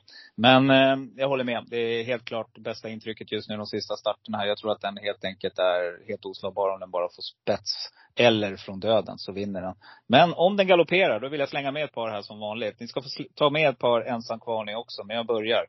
Eh, en häst som jag aldrig lämnar utanför efter Elitloppshelgen, det är nummer sju, Wild Love. Den plockade jag bort som sista häst då, till förmån för Audience Host Dragster. Och det kostade mig V7 den gången. Och det var ganska bra betalt på den. Det var 600 000 på V75. Mm. Så där satt jag ju med fem streck i sista, eller sex streck och tog bort Wild Love som sista häst. Så det gör jag aldrig mer. Eh, men jag vill varna för nummer åtta, Racing Brodda. Eh, glöm inte att den hästen har slagit de här hästarna förut. Och eh, bara lite av formen infinner sig. Gick 13 på 3000 sist och många tycker att den var dålig. Jag vet inte om den var så dålig faktiskt. Um, med lite tur, lite bättre form, på väg framåt. Skoglund kör ett bra flyt för dagen så tror jag att den faktiskt kan vinna. Uh, så att 4% lockar mig där. Har ni några riktigt härliga drag som smällkarameller i sista? Peter? Uh, Ultra Bright ska jag nog säga då. Nummer sex. Mm. Hon var ju bra igen här senast när hon vann efter, ja, lite, no, ett par extra veckor emellan ju. Ruggig. Hon, hon, hon, är ju den här nivån i grunden så. Sen eh, mm. ska Fredrik lösa det från sämre spår än de flesta andra eh, bättre hästar, eller mer betrodda hästar där då. Men, mm. eh, ja den då. 2 procent mm. just nu. Mycket bra. Men den var grym från döden. Så var väl, ska vi se, det var Stefan Perssons häst, Conny Brodda va? Som man plockade ner från döden sist. Det var det. Mm. Ehm, Robin? Nej, det är väl de två som ni nämnde där. Man hade velat ha barfota på Carly Smart. Jag vet inte om det kan tänkas ändras. Blir det barfota på den så är väl den eh, också tänkbar med tanke på effekten det gav eh, under Elitloppshelgen var det väl. Ja. Eh, annars så är det ju hästarna 6, 7 och 8. Men ska vi välja någon av dem, kanske ändå då. Eh, ja, 6 och 8 är väl de som jag känner så här, ja, ska man börja trycka på. Men jag gillar inte riktigt när de står så där eh, en bit ut på vingen i den här typen av lopp. Alltså de ska plocka så otroligt mycket läng längd ut i tredje spår. Det är väl om, Fredrik Persson har ju ändå startsnabbhet i Ultra Bright och han får hoppas på att kunna trilla ner någonstans där till tredje in eller någonting. Jag tror att det är det som krävs för att de ska vinna. Annars får det bli tufft att och leva runt dem ute i spåren eh, Mm. under sista varvet. Så att, eh, det är ytterligare en, en anledning till varför jag spikar Heaven Boko. Jag tror inte att någon här plockar de längderna som krävs på henne. Så fungerar hon bara så tror jag att det är en bombspik. Så att jag kommer inte fundera så mycket mer på det loppet utan det blir ett streck där i avslutningen. Då blundar Robin när han sitter där och är typ Mm. eh, tio system kvar och så, ja, då är det bara blunda och hålla tummarna Ja, sista. exakt. Exakt. Yes! Härligt grabbar. Nu har vi kommit igenom V75-omgången. Jag tänkte innan vi avslutar så ska vi bara snabbt gå igenom söndagens två lopp. Eh, derbystoet och eh, derbyt. Och vi börjar med derbystoet och ni behöver absolut inte göra några långa utläggningar utan ni har säkert kikat lite grann på startlistorna, vet eh, vem som är favorit etc. Vem tror du Peter vinner derbystoet 2021? Då ska vi se, derbystoet ja. Mm. Ja men jag säger nog ändå Honey Miraz. Eh, nummer åtta. Det var inget drömläge hon fick men eh, där har man ju en känsla av att de kommer vara vassare till eh, finalen. Det behövs ju naturligtvis. Hon visar ju i Storchampionatet hur bra hon är så att eh, Honey Miraz, säger jag, nummer åtta. Mm. Och Robin? Eh, Det var ju tråkigt, men jag tycker samma. Eller tråkigt kanske inte var, men det blir inte så för listan om vi skulle tro på olika. Nej, Jag är rätt så säker på att uh, Hanne Miraz löser den här uppgiften. Um, Örjan drog ju inte norsken på den 50 kvar i, i uh, försöksloppet där. Och jag tror att han var rätt så säker på att plocka ner uh, Global Brilliance där i alla fall. Uh, men där misstog han sig. Men jag tror att det var väldigt tur att man fick åtta istället för eh, ett bakspår där. Eh, han kommer väl bara köra framåt via, via tredje spår och, landa utvändigt ledaren. Eh, bästa intrycket var väl annars Wall of Am och jag är jätteförvånad över att den inte är favorit, men det är inte som är Mm. konstlat heller. Den borde ju bli favorit, för det är väl ledaren. Hobokenham, fast jag kopiöst för under fjolåret, eh, var ju fin i sitt uttagningsförsök, men jag är tveksam till de täta starterna nu, hur, hur det landar hos Hobokenham. Mm. Ja, jag håller med dig där. Eh, helt klart Hall Am i spets och därifrån hästen att slå. Honey Miraz eh, söker sig fram i tid, eh, lägger lite press där. Och då kommer han.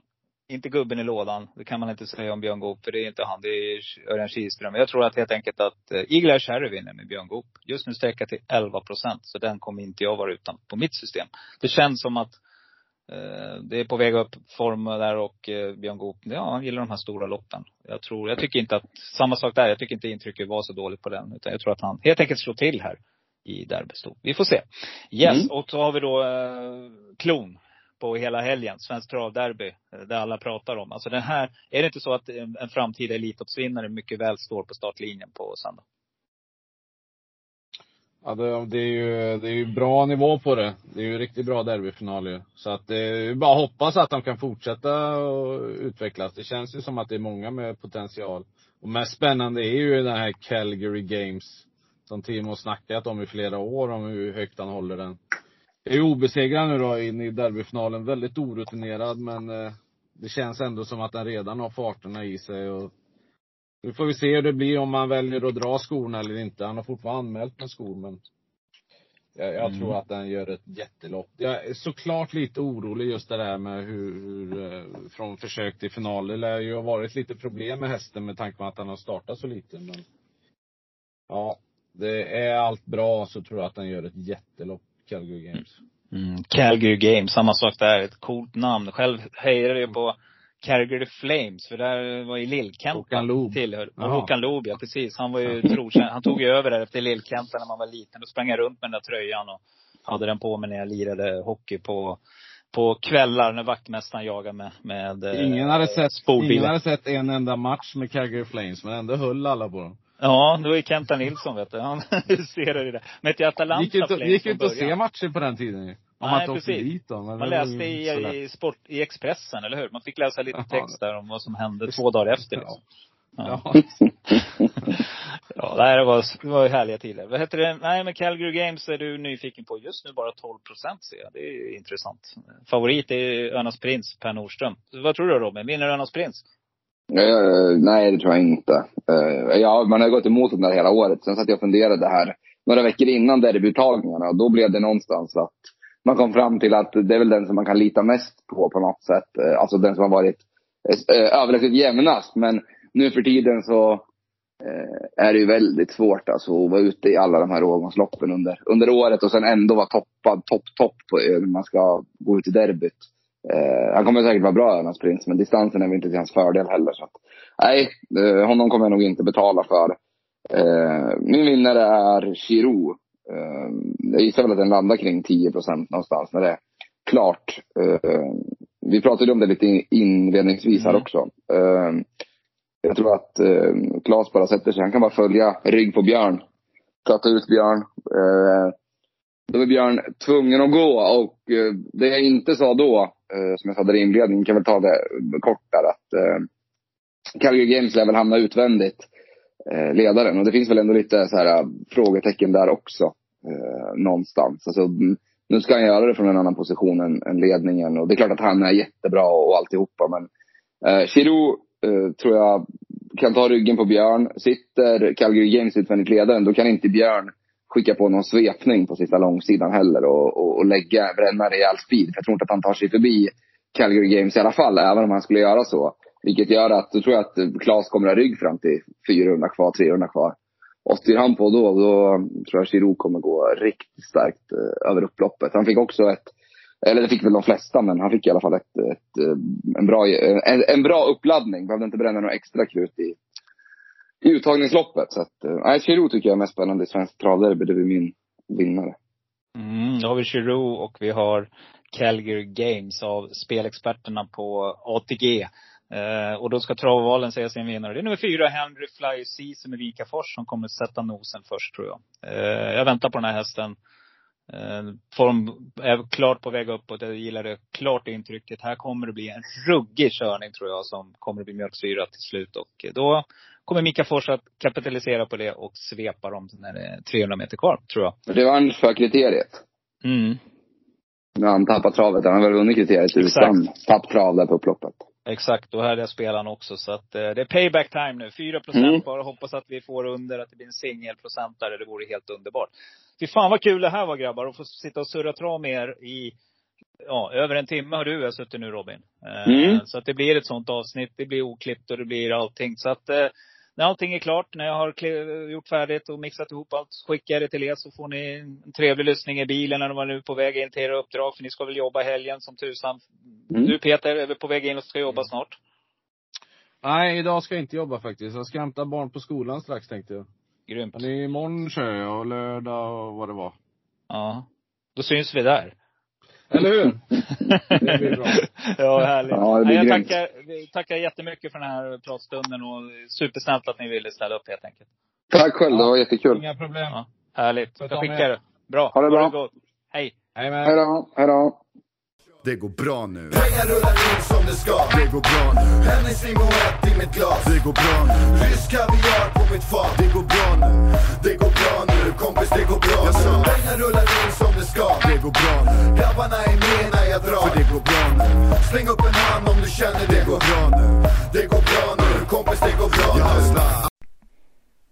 Ja, då var det dags för solklar, tänkbar och ensam kvar.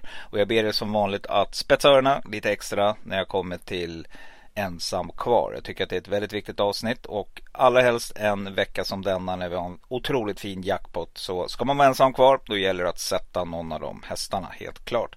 Eh, innan jag börjar så vill jag bara passa på att tacka då Robin Malmgren och Peter Andersson för ett fantastiskt avsnitt. Jättekul att få sitta en timme och snacka trav med dessa travgurur. De gillar ju trav precis lika mycket som en annan. Eh, några andra som gillar trav, det är också mina kollegor på Travovalen. Eh, ni vet ju själva var ni hittar oss på travovalen.se eller på Instagram, Travvalen. Eller så söker ni på Frend och Bjursås om ni känner för att köpa en andel. När det gäller att köpa en andel så tycker jag det är viktigt att påpeka att du ska bara vara med om du känner att du har råd. Det är otroligt viktigt. Så att vi känner så. Vi spelägare gör så gott vi kan och vi lyckas inte alltid. Eh, vi misslyckas nog mer än vad vi lyckas. Det är bara lika bra att vara ärlig och säga som det är. Men vi gör så gott vi kan och vi jagar alltid de stora pengarna. Det vill säga att vi vill vara med om det ska smälla. Det är vårt motto på travovalen. Så att eh, du är varmt välkommen men spela bara om du har råd. Sådär, då drar jag igång och jag börjar som vanligt med V757. Jag börjar bakifrån, inte i kronologisk ordning. Ja, jag tror helt enkelt att den solklara, det är nummer 5 Heavy Boko. 28 procent, eller jag spikar faktiskt den på något för, eh, system förra veckan. Och jag tror att eh, blir det felfri avgång här så blir den väldigt, väldigt svår att slå. Eh, mitt, eh, en tänkbar, det är nummer 8 Racing Brodda. En riktigt, riktigt bra häst som har slagit de här hästarna tidigare. Så att, eh, äh, jag blir inte alls förvånad om Rickard N Skoglund står där och eh, fäller en tår. För jag tror att det är väldigt mycket laddade känslor kopplat till den här hästen. Precis som Activated förra veckan. Mattias Djuse håller hästen otroligt varmt. Så att, eh, mm, jag tror helt enkelt att den kan stå där i vinnarcirkeln. 4% lockar i alla fall mig.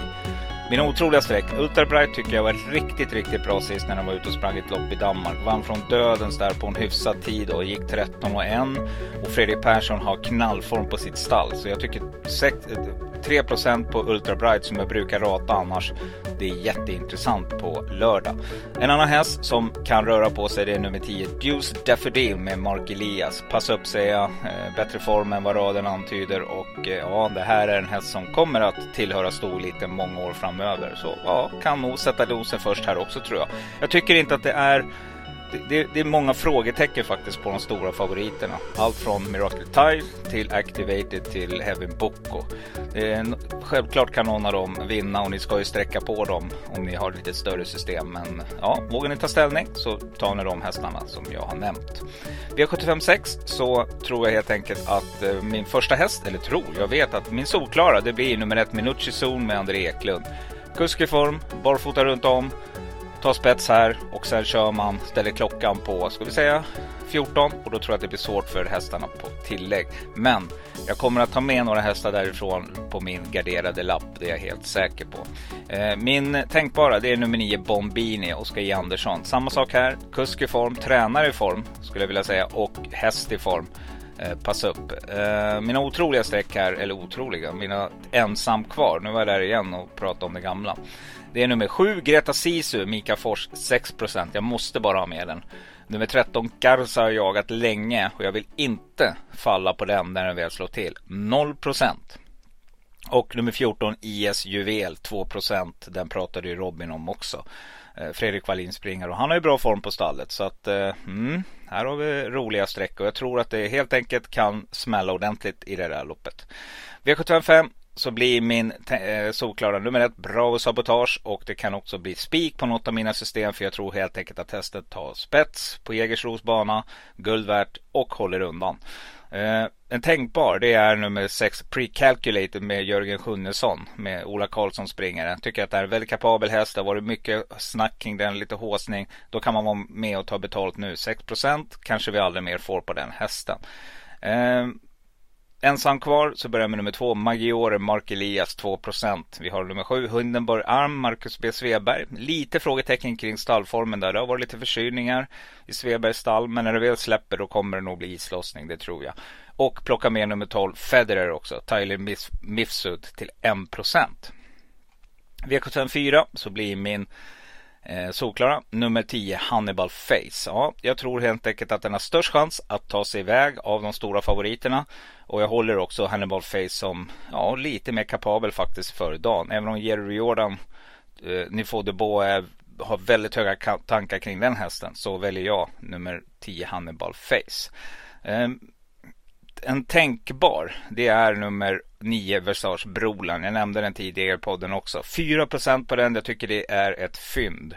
Jag kommer att plocka med den eh, på systemet i alla fall. 4% Lövgren, känner till Jägersro, hemmahäst. Mm, varning, jättevarning utfärdad här. Jag tror att den kommer att kliva upp lite streck också. med allt under 10, alltså en singelprocentare är guld värt. Um, ensam kvar, nummer ett. Som Hugo Pellini med Johan Untersteiner, Peter Untersteiner tränar, barfota runt om, spår 1, farligt 3%. Och nummer 11 Black Mission, Peter Ingves 0%. Stenhjul skickar en häst till eh, V75. Då tror jag att det är väl förberett. Det såg vi i helgen om inte annat. Mm, V753 så blir mitt eh, första streck och min solklara då nummer 6 Rotate. Jag väljer att göra så för jag, nej, Beartime har en tendens att när man laddar med hästen, den är för betrodd nu. Jag tycker det var jättekul att nämna den som en skräll. Det gjorde jag i podden när den stod i 1-2% och då helt plötsligt har det blivit värsta draget på den här. Och jag tror att det kommer bli körning här och ja, då kan det mycket väl komma galopp in i första sväng. Så Rotate blir min solklara. Eh, tänkbar, det blir nummer 10 Sharp Dream som har fått lopp i kroppen. Väldigt kapabelt stor det här. Eh, Johan är väldigt eh, komfortabel hur hästen känns i träningen. Tycker 8% lockar. Och mina ensam kvar blir nummer två Kennedy, Adrian Collini. Amerikan som vann på. Har väntat på den här hästen också. Och nu kommer mitt veckans drag. Jag måste bara säga det. Eh, det kommer att bli så kul när Ingo sätter nosen först med André Eklund. Hästen är otroligt kapabel. Jag skulle vilja säga att den är i samma klass, som till och med lite bättre än den jag rankade som etta Rotate. När den är riktigt på topp. Eh, så att nummer 9 Ringo får bli min, eh, mitt drag denna vecka. Och definitivt ensam kvar häst. Kristoffer Eriksson, André Eklund kör. Kristoffer Eriksson tränar. Ah, det här är en riktigt bra häst som har vunnit på Vincennes tidigare i vintras. Inte riktigt den rätta formen, men när den kommer då kommer den slå till. Var så säker. V75 2. Eh, så blir min eh, solklara nummer tre, Kapten Brodde. Tänkbar. Det blir nummer ett, Protector Tire, Kristoffer Eriksson, 8%. Och mina ensam kvar blir nummer två, Call to the Bar, Marcus B. Sveberg, barfota runt om 2%. Och nummer 10, Moa King med Fredrik Persson, 0%. Kom ihåg vad jag sa, stall i form kan slå klass. V751 kommer vi till då, spik i första och här har jag våndats fram och tillbaka. Vem tar spets? Eh, suttit och djupdykt i lopparkiven. Och eh, ja, min solklara just nu, den är inte solklar. Jag tycker att det står mellan tre hästar här som eh, kör för ledning. Och det är nummer ett Vinici, nummer två Astrona Center och nummer sex Grandfather Bill. Och jag gillar draget på nummer två Astrona Center Jag var inne och kollade, tycker att hästen går bra. Hästen ger sig aldrig. Får den ledningen, då vinner den. Eh, så att eh, jag kommer att spika nummer två Astronaut Center Sax som det ser ut nu på spik i första. Tycker att det är en rolig spik. Björn Goop, duktig kusk. Eh, ja, det, det, är så jag tänker nu i alla fall. Min tänkbara, det får bli nummer eh, sju Upper Face Marian Colgjini. Har den en bra dag så kan den faktiskt till och med vinna från döden. Så bra är den hästen. Eh, det är lite som eh, Robin sa där i, i början att eh, kolla hur det går för Colgjini direkt. De sätter liksom ribban redan eh, i förloppen där. Så att eh, var vaken och kolla det. Går det bra från början då kommer de att rensa under dagen. Går det lite byngligt, ja då kan det gå åt andra hållet också. Eh, ensam kvar blir nummer fem, Luke Håleryd som tränar förbättrat. Peter Untersteiner uppåt i jobben. Han tycker att hästen känns bra. Stefan Persson har bra kuskform. 5 eller eh, 2% på den lockar alla dagar i veckan. Och nummer 11 Showtime Jack Flower med Oskar Kjellin Blom till 2% Också en sån här kusk som jag gillar att sätta mina skrällpengar på. Yes, det var allt för denna vecka. Hoppas ni har haft en supertrevlig lyssning. Det blev lite långt men eh, vad gör det när man har sådana fantastiska gäster? Eh, nästa vecka så är det vi tillbaka. Vi på Travovalen. Fredrik och Andreas Dunder. Eh, då får ni hålla till godo med oss. Men eh, det ska nog gå bra det också ska ni se. Och eh, ja, som sagt gå in och kolla. Se om det är någon andel som passar dig. Det finns ju allt ifrån 150 kronor och uppåt. Så det behöver inte kosta en förmögenhet. Men i alla fall med och deltar. Många bolag denna vecka är exklusiva. För vi tänker att får vi jackpotten, ja då, då vill vi också sätta ett bolag som är exklusivt. Det vill säga att det är ensamt på travovalen. Ja, med det sagt så kan jag inte säga mer än att som vanligt, kör försiktigt där ute i trafiken. Eh, pandemin är inte över än, var rädda om er, spela för pengar ni har och allt det där. Jag tycker ändå det är viktigt att visa lite medmänsklighet. Eh, så med det sagt så önskar jag er en fantastiskt trevlig helg med derbyt som en kulmen här på söndag. Det ska bli jättekul. Och vi öppnar förstås upp andelar. Mina andelar öppnade redan till exempel till söndagen också för det är V75 då. Härligt, nu kör vi och eh, ja, säger som vanligt, håll till godo. Med de öar jag lyfte en gång Jag bjuder på det, är du med? Håll till godo ha! Jag råkar liksom bara vara sån Håll till godo, håll till godo